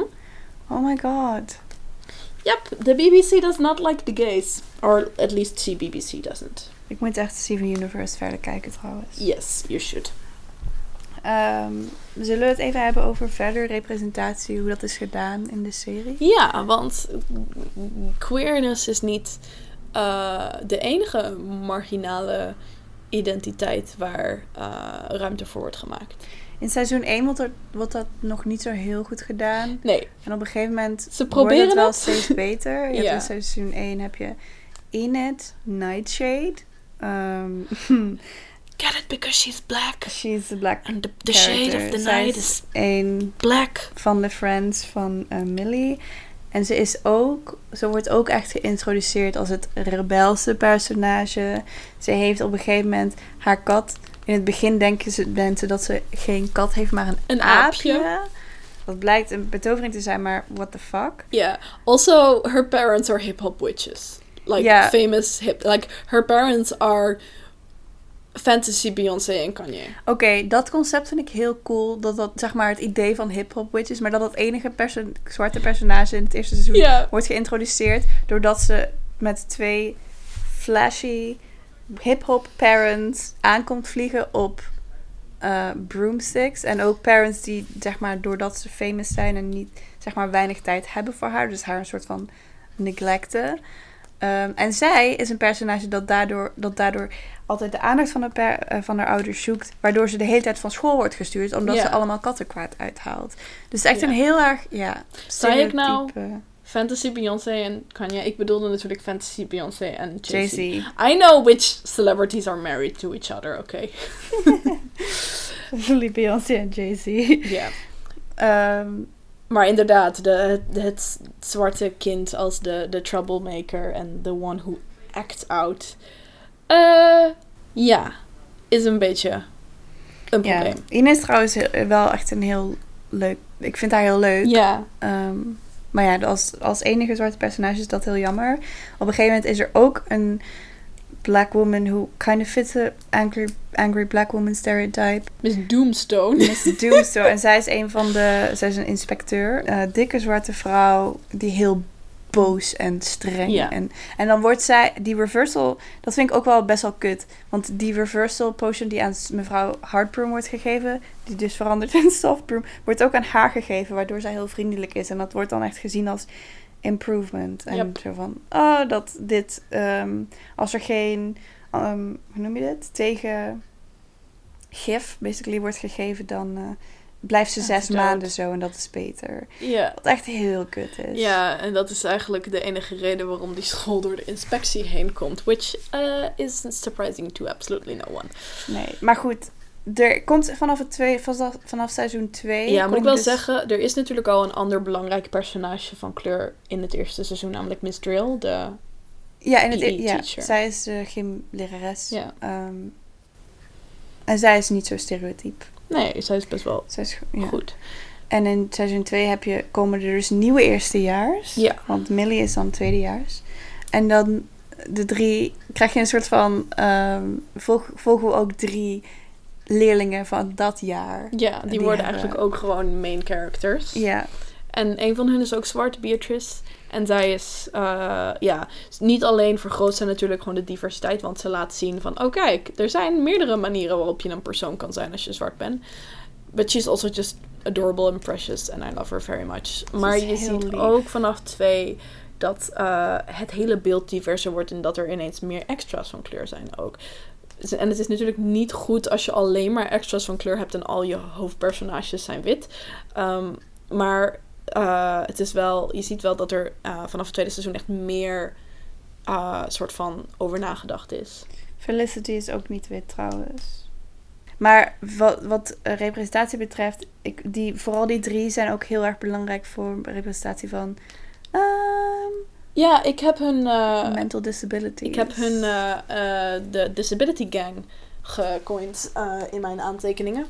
Omdat, ehm, ja, in het eerste, wanneer ze net zeg maar op, op school zijn, heeft, is, ja, denken ze dus eerst dat Beatrice astma heeft. Uiteindelijk blijkt dat ze allergisch voor katten. Is dat een disability? Hmm. Eh, misschien niet echt. Maar het, het wordt wel gezegd dat het voor een heks heel onhandig is. Maar goed, uiteindelijk wordt die allergie gewoon gecured.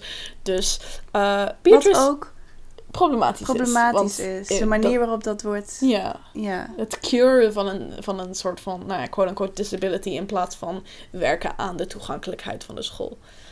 Ehm, maar goed, Beatrice behoort daarin dus niet echt meer bij de disability gang. Maar Sybil, het zusje van Ethel, heeft anxiety.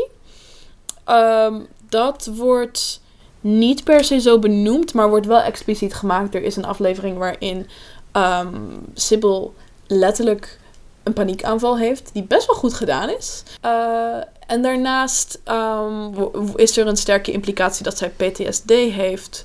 Eh, vanwege wat er met haar zus is gebeurd. Die, niet eh, Ethel, maar Esme, hun oudere zus, die is haar krachten kwijtgeraakt. Hmm. Ehm, en PTSS. ja, PTSS. En het andere lid van eh, de Disability Gang en possibly my favorite character in this whole show is Clarice. En Clarice is autistisch. Dat wordt opnieuw niet expliciet zo gezegd, maar het is zo duidelijk. Eh, ja, ze vat alles letterlijk op. Eh, ze maakt geen oogcontact. Nou ja, ze zegt wat ze bedoelt. Eh, ze zegt wat ze denkt en is daarin soms wat bot. Ze heeft wat moeite met social cues.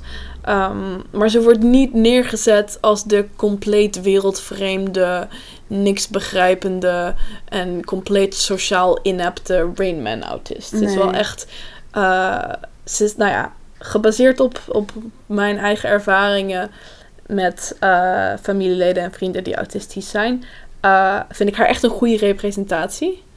En die actrice die doet dat ook ontzettend overtuigend. Het zijn allemaal child, child actors in deze serie. Dus de acteertalent varieert wat. En eh, Clarice is ook niet... De, haar actrice doet echt niet alles super overtuigend. Maar het neerzetten van die... Van, nou ja, zeg maar het... Ja, dat zij autistisch is, dat is heel overtuigend. En ik vraag me ook af of, of ze gewoon echt een autistische actrice Hmm. daarvoor hebben gecast. Ehm, want je ziet dus ook gewoon dat zij eh, nooit oogcontact maakt. Ja. Ik vind als we het over representatie hebben, ook sowieso dat hele groepje ehm, die heel wholesome zijn en heel, echt een hele goede representatie van een fijne, goede vriendschap tussen meisjes op die leeftijd. Ik denk dat dat heel goed is voor andere meisjes om te zien, want het is heel, ze, zijn, ze steunen elkaar heel, heel erg. Ze zijn heel erg behulpzaam Ze zijn niet toe. competitief, ze zijn heel supportive. Ook, ook juist in het bijzonder zijn ze supportive over el- elkaars disabilities en, en nou ja, neuro, Mm. neurodiversity. Er is een, een aflevering waarin ehm Sybil en Beatrice het steeds hebben over practical jokes. En ehm, Clarice, die super eh, rationeel en intellectueel gefocust is, begrijpt het concept van een practical joke niet zo goed. Maar omdat ze niet wil worden gezien als iemand die niet fun is en die humor niet snapt, gaat ze haar eigen practical joke eh, bedenken. En dat is dus super eh, slim in elkaar gezet. Ze heeft een heel mechanisme in elkaar gezet met allemaal systemen die elkaar triggeren, waardoor er geloof ik een emmer verf of zo Hmm. naar beneden moet komen wanneer zij een kamer binnengaan. Dat is echt super leuk gedaan. Dat heeft ze dan helemaal zitten ontwerpen in zo'n boekje. En daar is ze dan de hele dag mee bezig geweest. It's so precious. en dan, eh, wanneer dat dus een beetje misgaat, eh, zeggen haar vriendinnen tegen haar van... You don't have to be good at everything, you know. En dan zegt zij... Don't I? Super oprecht. En het is so precious. En ja, natuurlijk is er wat voor te zeggen dat er niet expliciet wordt gezegd dat zij autistisch is. Ik denk dat dat het nog beter had gemaakt. Maar ik kan me ook voorstellen dat de, dat de taal van autisme in zo'n nou ja, fantasy context misschien niet voor de hand ligt. Hmm. Maar ik denk wel dat een rep- representatie die zo, eh, nou ja, zo harmless en, en, en goed is, ehm, wel heel belangrijk is. Want zelfs al wordt dat woord niet gebruikt, eh, ik kan me voorstellen dat autistische kinderen hier naar kijken en denken: Oh, ik ben net als Clarice. Ik ben Mm. niet alleen, ik ben niet raar. En ook dat andere kinderen kunnen zijn: Oh, mijn autistische broertje, mijn autistische buurmeisje, mijn autistische klasgenoot is net als Clarice uit The Mm. Worst Witch. En dat het een valide manier is om een persoon te zijn. Ja. Ja, en dus dat er eh, dat iedereen echt een hele eigen persoonlijkheid heeft. Dat is, daarom is het ook fijn dat er meer personages van kleur bij zijn gekomen. Die zeg maar allemaal just, ja, gewoon hun eigen persoon zijn. Ook allemaal, ook allemaal ehm, different shades of skin color. Beatrice is very dark skinned. Miss Drill is, kind is pretty light skinned. Ehm, er is ook een personage eh, die een klein persoon is. Ehm, daar bedoel ik mee, zij ehm, heeft dwerggroei. Twee personages Ja. trouwens. ja, één krijgt echt een naam en een ander is meer een Ja, achtergrondpersonage zij, in op een gegeven moment is zij er ook niet meer, geloof ik. Nee. Ehm, ja, de medische term, ik, we hebben het even opgezocht, want we wisten niet zo goed wat daar de correcte term voor was. De medische term is dwerggroei, maar ja, we willen eigenlijk, zeg maar, het eerste deel van dat woord is dus wel echt een belediging. Dus we zeggen hierbij eh, kleine mensen. Ja. Mocht er hier een betere term voor zijn in het Nederlands die wij niet kennen, please let us know. Ja, Ehm, eh, maar dat is ook echt een heel leuk personage. Mabel. Mabel. Ze is de dochter van de kok van de Ja. school, Miss Tapioca. Ehm, en zij is een beetje...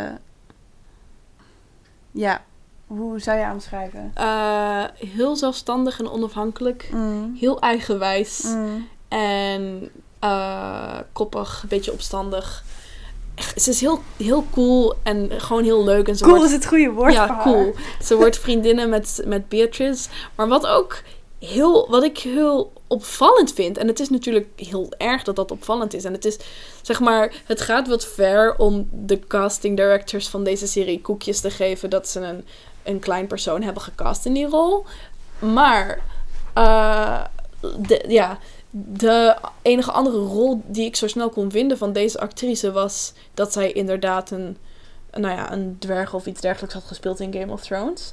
En dat zie je bijvoorbeeld in Harry Potter ook. De kleine mensen die spelen in Harry Potter zijn gecast als dwergen, als goblins, als fantasy creatures, als niet menselijk. Dus het ligt kennelijk voor de hand om iemand met een afwijkend lichaams- of een niet-normatief lichaamstype eh, helemaal in een fantasy setting te casten als iets wat ja, als anders, als other, als niet menselijk. Mm. En eh, dat wordt niet eens.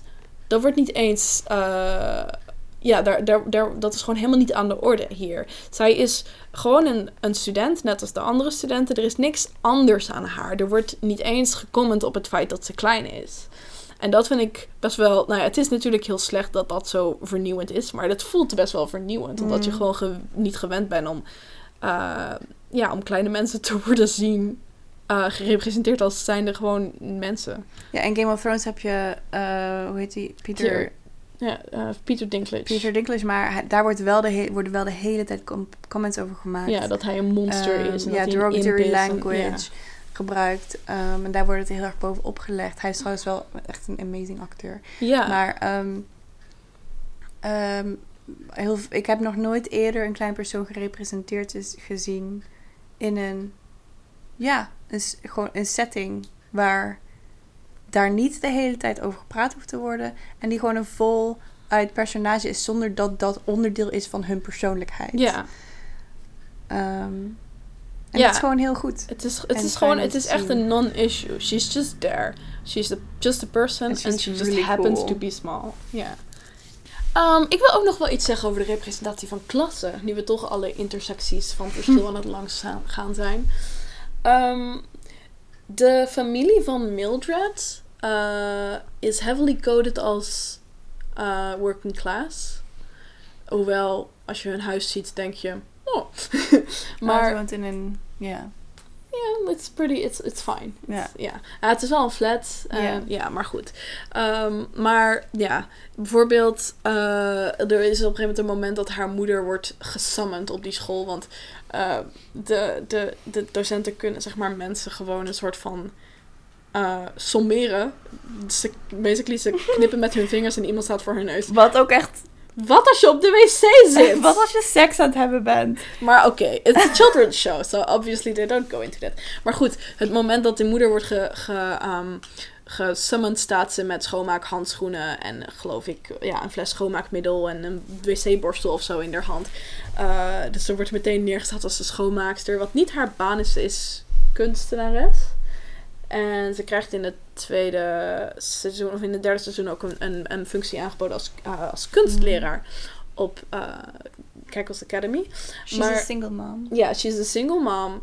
Um, en uh, ja, er wordt niet per se gepraat over de hoogte van haar inkomen.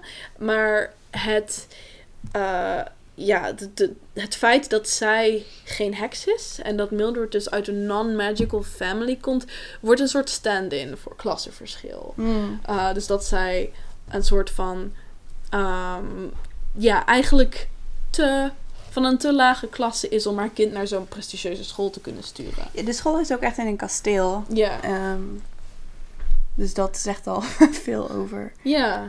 de norm daarin. Op een gegeven moment komt Millie erachter dat haar vader een loodgieter was, Ja. trouwens. Ja, bijvoorbeeld eh, op het moment dat ehm, haar moeder dus die baan krijgt, dan wordt zij ook door iedereen anders behandeld, gebaseerd op het feit dat ze dus ehm, niet magisch is. Maar Hmm. de behandeling die ze krijgt doet heel erg denken aan de behandeling van eh, vooral in Engeland mensen van een lagere klasse. En zelfs op een gegeven moment. Of nou ja, op een gegeven moment lijkt het ook, worden er ook parallellen gelegd met eh, mensen van kleur in basically de Jim Crow South. Er is op een gegeven moment een scène waarin door haar wordt verteld dat ze niet aan dezelfde tafel mag eten als de mensen van Magical Blood. En dat ze dus in haar eentje moet eten. Eh, de subtekst is eat in the kitchen with the help. Dus Hmm. Ja, het is allemaal. eh, en maar er wordt ook wel op gecomment. En eh, eh, ook wanneer blijkt dat Mildred wel uit een magische familie komt, zegt haar moeder ook van ja, het zal allemaal wel. I don't really buy into this magic by blood nonsense. Omdat op het einde van...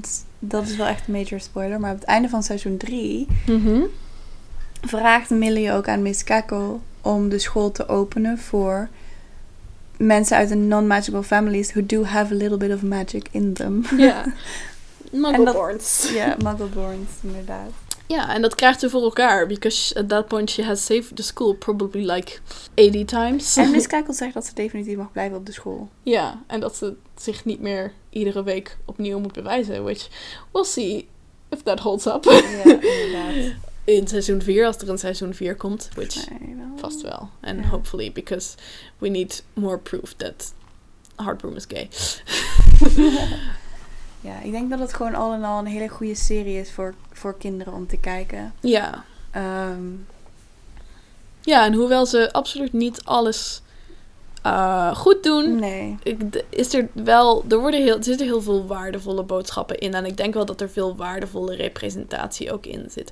Al is het alleen maar dat het een serie is waarin vrijwel alle belangrijke personages vrouwen zijn. En alleen dat al. eh, en waarmee toch heel veel schadelijke stereotypen over femininiteit worden vermeden. Hmm. Alleen dat al is denk ik zo belangrijk voor, voor kinderen om te zien. Ja. En alle mogelijke verschillende en diverse, complexe manieren waarop je een meisje kan zijn.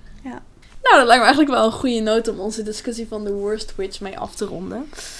Ehm, nu alleen nog eh, een paar dingen waar we blij van worden. And then this charm is firm and good. Oftewel, ons segment Firm and Good. Eh, waarin we dingen bespreken waar we blij van worden. Nu hebben we dat natuurlijk al de hele aflevering gedaan. Wauw, dat is zeldzaam hè, dat we een hele aflevering niet alleen maar aan het klagen zijn. nou, we hebben in het begin wel genoeg geklaagd. Maar er zijn nog meer dingen waar we blij van worden. Namelijk, Floor, vertel. Ten eerste ehm, wil ik graag een Twitter-account aanraden van eh, Mr. Eugene Grant. En dat is een Twitter-account van een eh, klein persoon. Ehm, en hij heeft het. Ja, op zijn Twitter-account bespreekt hij heel veel dingen waar hij tegenaan loopt. Hij heeft het over de geschiedenis van de representatie van kleine personen. Ehm, hij heeft het over zijn eigen ervaringen. En dat is iets waar ik zelf eigenlijk nooit zoveel over heb gelezen of ehm, dingen over ja, representatie heb gezien. En dat vind ik een heel fijn account om daar meer. eh, ja, om, om, die, om daar meer over te lezen, die ervaring van een, perso- een klein persoon. Ehm, het is at Mr. Eugene Grant. Ehm, en het wordt geschreven E M-R-E-U-G-E-N-E-G-R-A-N-T. We zullen het natuurlijk, zoals altijd, ook linken in de show notes. Ja. En die, die eh, man is ook gewoon heel erg ehm, bewust van zijn taalgebruik als het gaat om andere minorities. Wat natuurlijk ook heel fijn is. Dat is altijd Gewoon. fijn. Ja. Ja, dus eh, dat is een Twitter-account wat ik zou aanraden.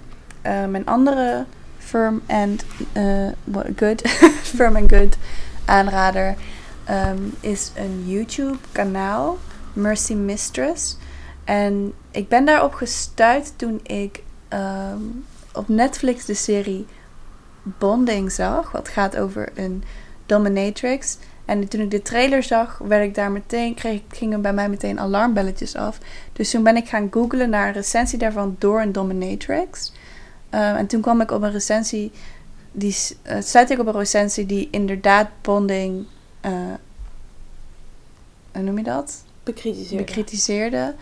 Ehm, en daarin noemde zij Mercy Mistress. Mercy Mistress is een ehm, serie op YouTube die wordt gemaakt door een ehm, Oost-Aziatisch-Amerikaanse dominatrix. Ehm, en het is een serie, er staat nu één seizoen van online, van tien afleveringen. Elke aflevering is ongeveer vijf minuten. En het gaat ook over BDSM. En ehm, elke seizoen gaan ze één fetish, een soort van in de spotlight zetten. Het, seizoen, het eerste seizoen is een foot fetish.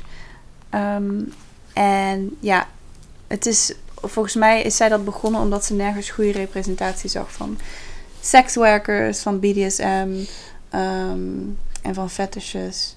En ja, eh, volgens mij is het gewoon een hele goede, eh, goede representatie daarvan. Ehm, dus ga het vooral kijken. I really enjoyed watching it. Ik vind het ook gewoon mooi gefilmd en, en zo. Ehm, Klinkt goed. Ik ben echt benieuwd. Ik een ga hele lekker kijken. diverse cast. Cool. Ik zie dat jij eh, je firm and goods allebei heel goed hebt aangepast bij het thema van eh, deze aflevering. Eh, bij mijn firm and good is de link iets verder te zoeken. Ehm, maar ja, mijn shout-out gaat naar Welcome to Night Vale. Eh, wat eigenlijk een beetje mijn eerste liefde was in het gebied van podcasts. Mijn Mm. eerste, de eerste podcast waar ik ooit naar luisterde. Same. Ehm, ja, Omdat jij het aanraadt. omdat ik het aanraden. En ja, die podcast is eh, de laatste tijd weer wat meer op mijn radar. Omdat mijn vriendin er nu naar aan het luisteren is. En eh, er net zo enthousiast over is als ik was in het begin. Dus dat heeft mijn liefde weer een beetje aangewakkerd. Ehm, het, is, het concept van de podcast is dat het een... eh, het is het community radio programma eh, van een dorpje, Nightville. Waarin alle complottheorieën waar zijn. Dus het is een dorpje dat wordt Het fictie. ja, het is, ja, het is een eh, fictief dorpje. Dat wordt geregeerd door de reptilian overlords, a vague yet menacing government agency, mysterious dark hooded figures en eh, ja, nog meer van dat soort dingen. Het is tegelijkertijd een utopie en een dystopie. En eh, ja, behalve dat het gewoon heel erg grappig is en echt geniaal in elkaar zit, is het ook eh, echt ja, verbazingwekkend soort van ja, links, politiek divers en ja, progressief en extreem anticapitalistisch. Eh, ook in de manier waarop het zeg maar gemaakt is. in dat het zeg maar ja, tegenwoordig heb- hebben ze wel sponsors, wat dan weer een beetje jammer is. Maar het is begonnen ehm, met gewoon een paar mensen die eh, met een met Audacity, gratis programma waar wij dit ook in opnemen, en een crappy USB-microfoon van 20 dollar een podcast gingen opnemen. En het is super succesvol geworden. Ehm, maar ja, de, de hoofdpersoon is een homoseksuele man. eh, die een eh, tegen, ja, inmiddels in een, in een eh, liefdevolle relatie is met een andere man. en die relatie ontstaat op een supernatuurlijke manier. En er wordt nergens gecomment op het feit dat dat een homoseksuele en dus niet normatieve relatie is.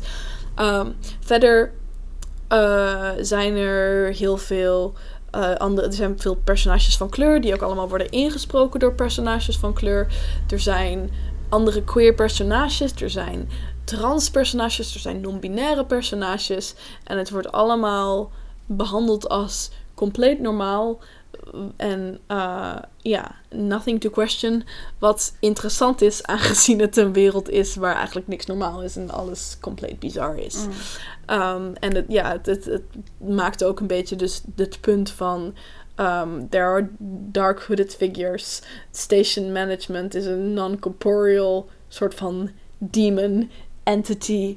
Um, like de wildste, de, de meeste bizarre shit gebeurt in het dorpje. Dus wie maakt zich in vredesnaam druk over uh, iemand die they them pronouns wil gebruiken in plaats van andere pronouns of iemand die een relatie heeft met een man als andere man. Wat ook wel gewoon een goede metafoor is voor de real world. Ja. Because weird shit is going on, but still we question people's identities. Ja. And ja.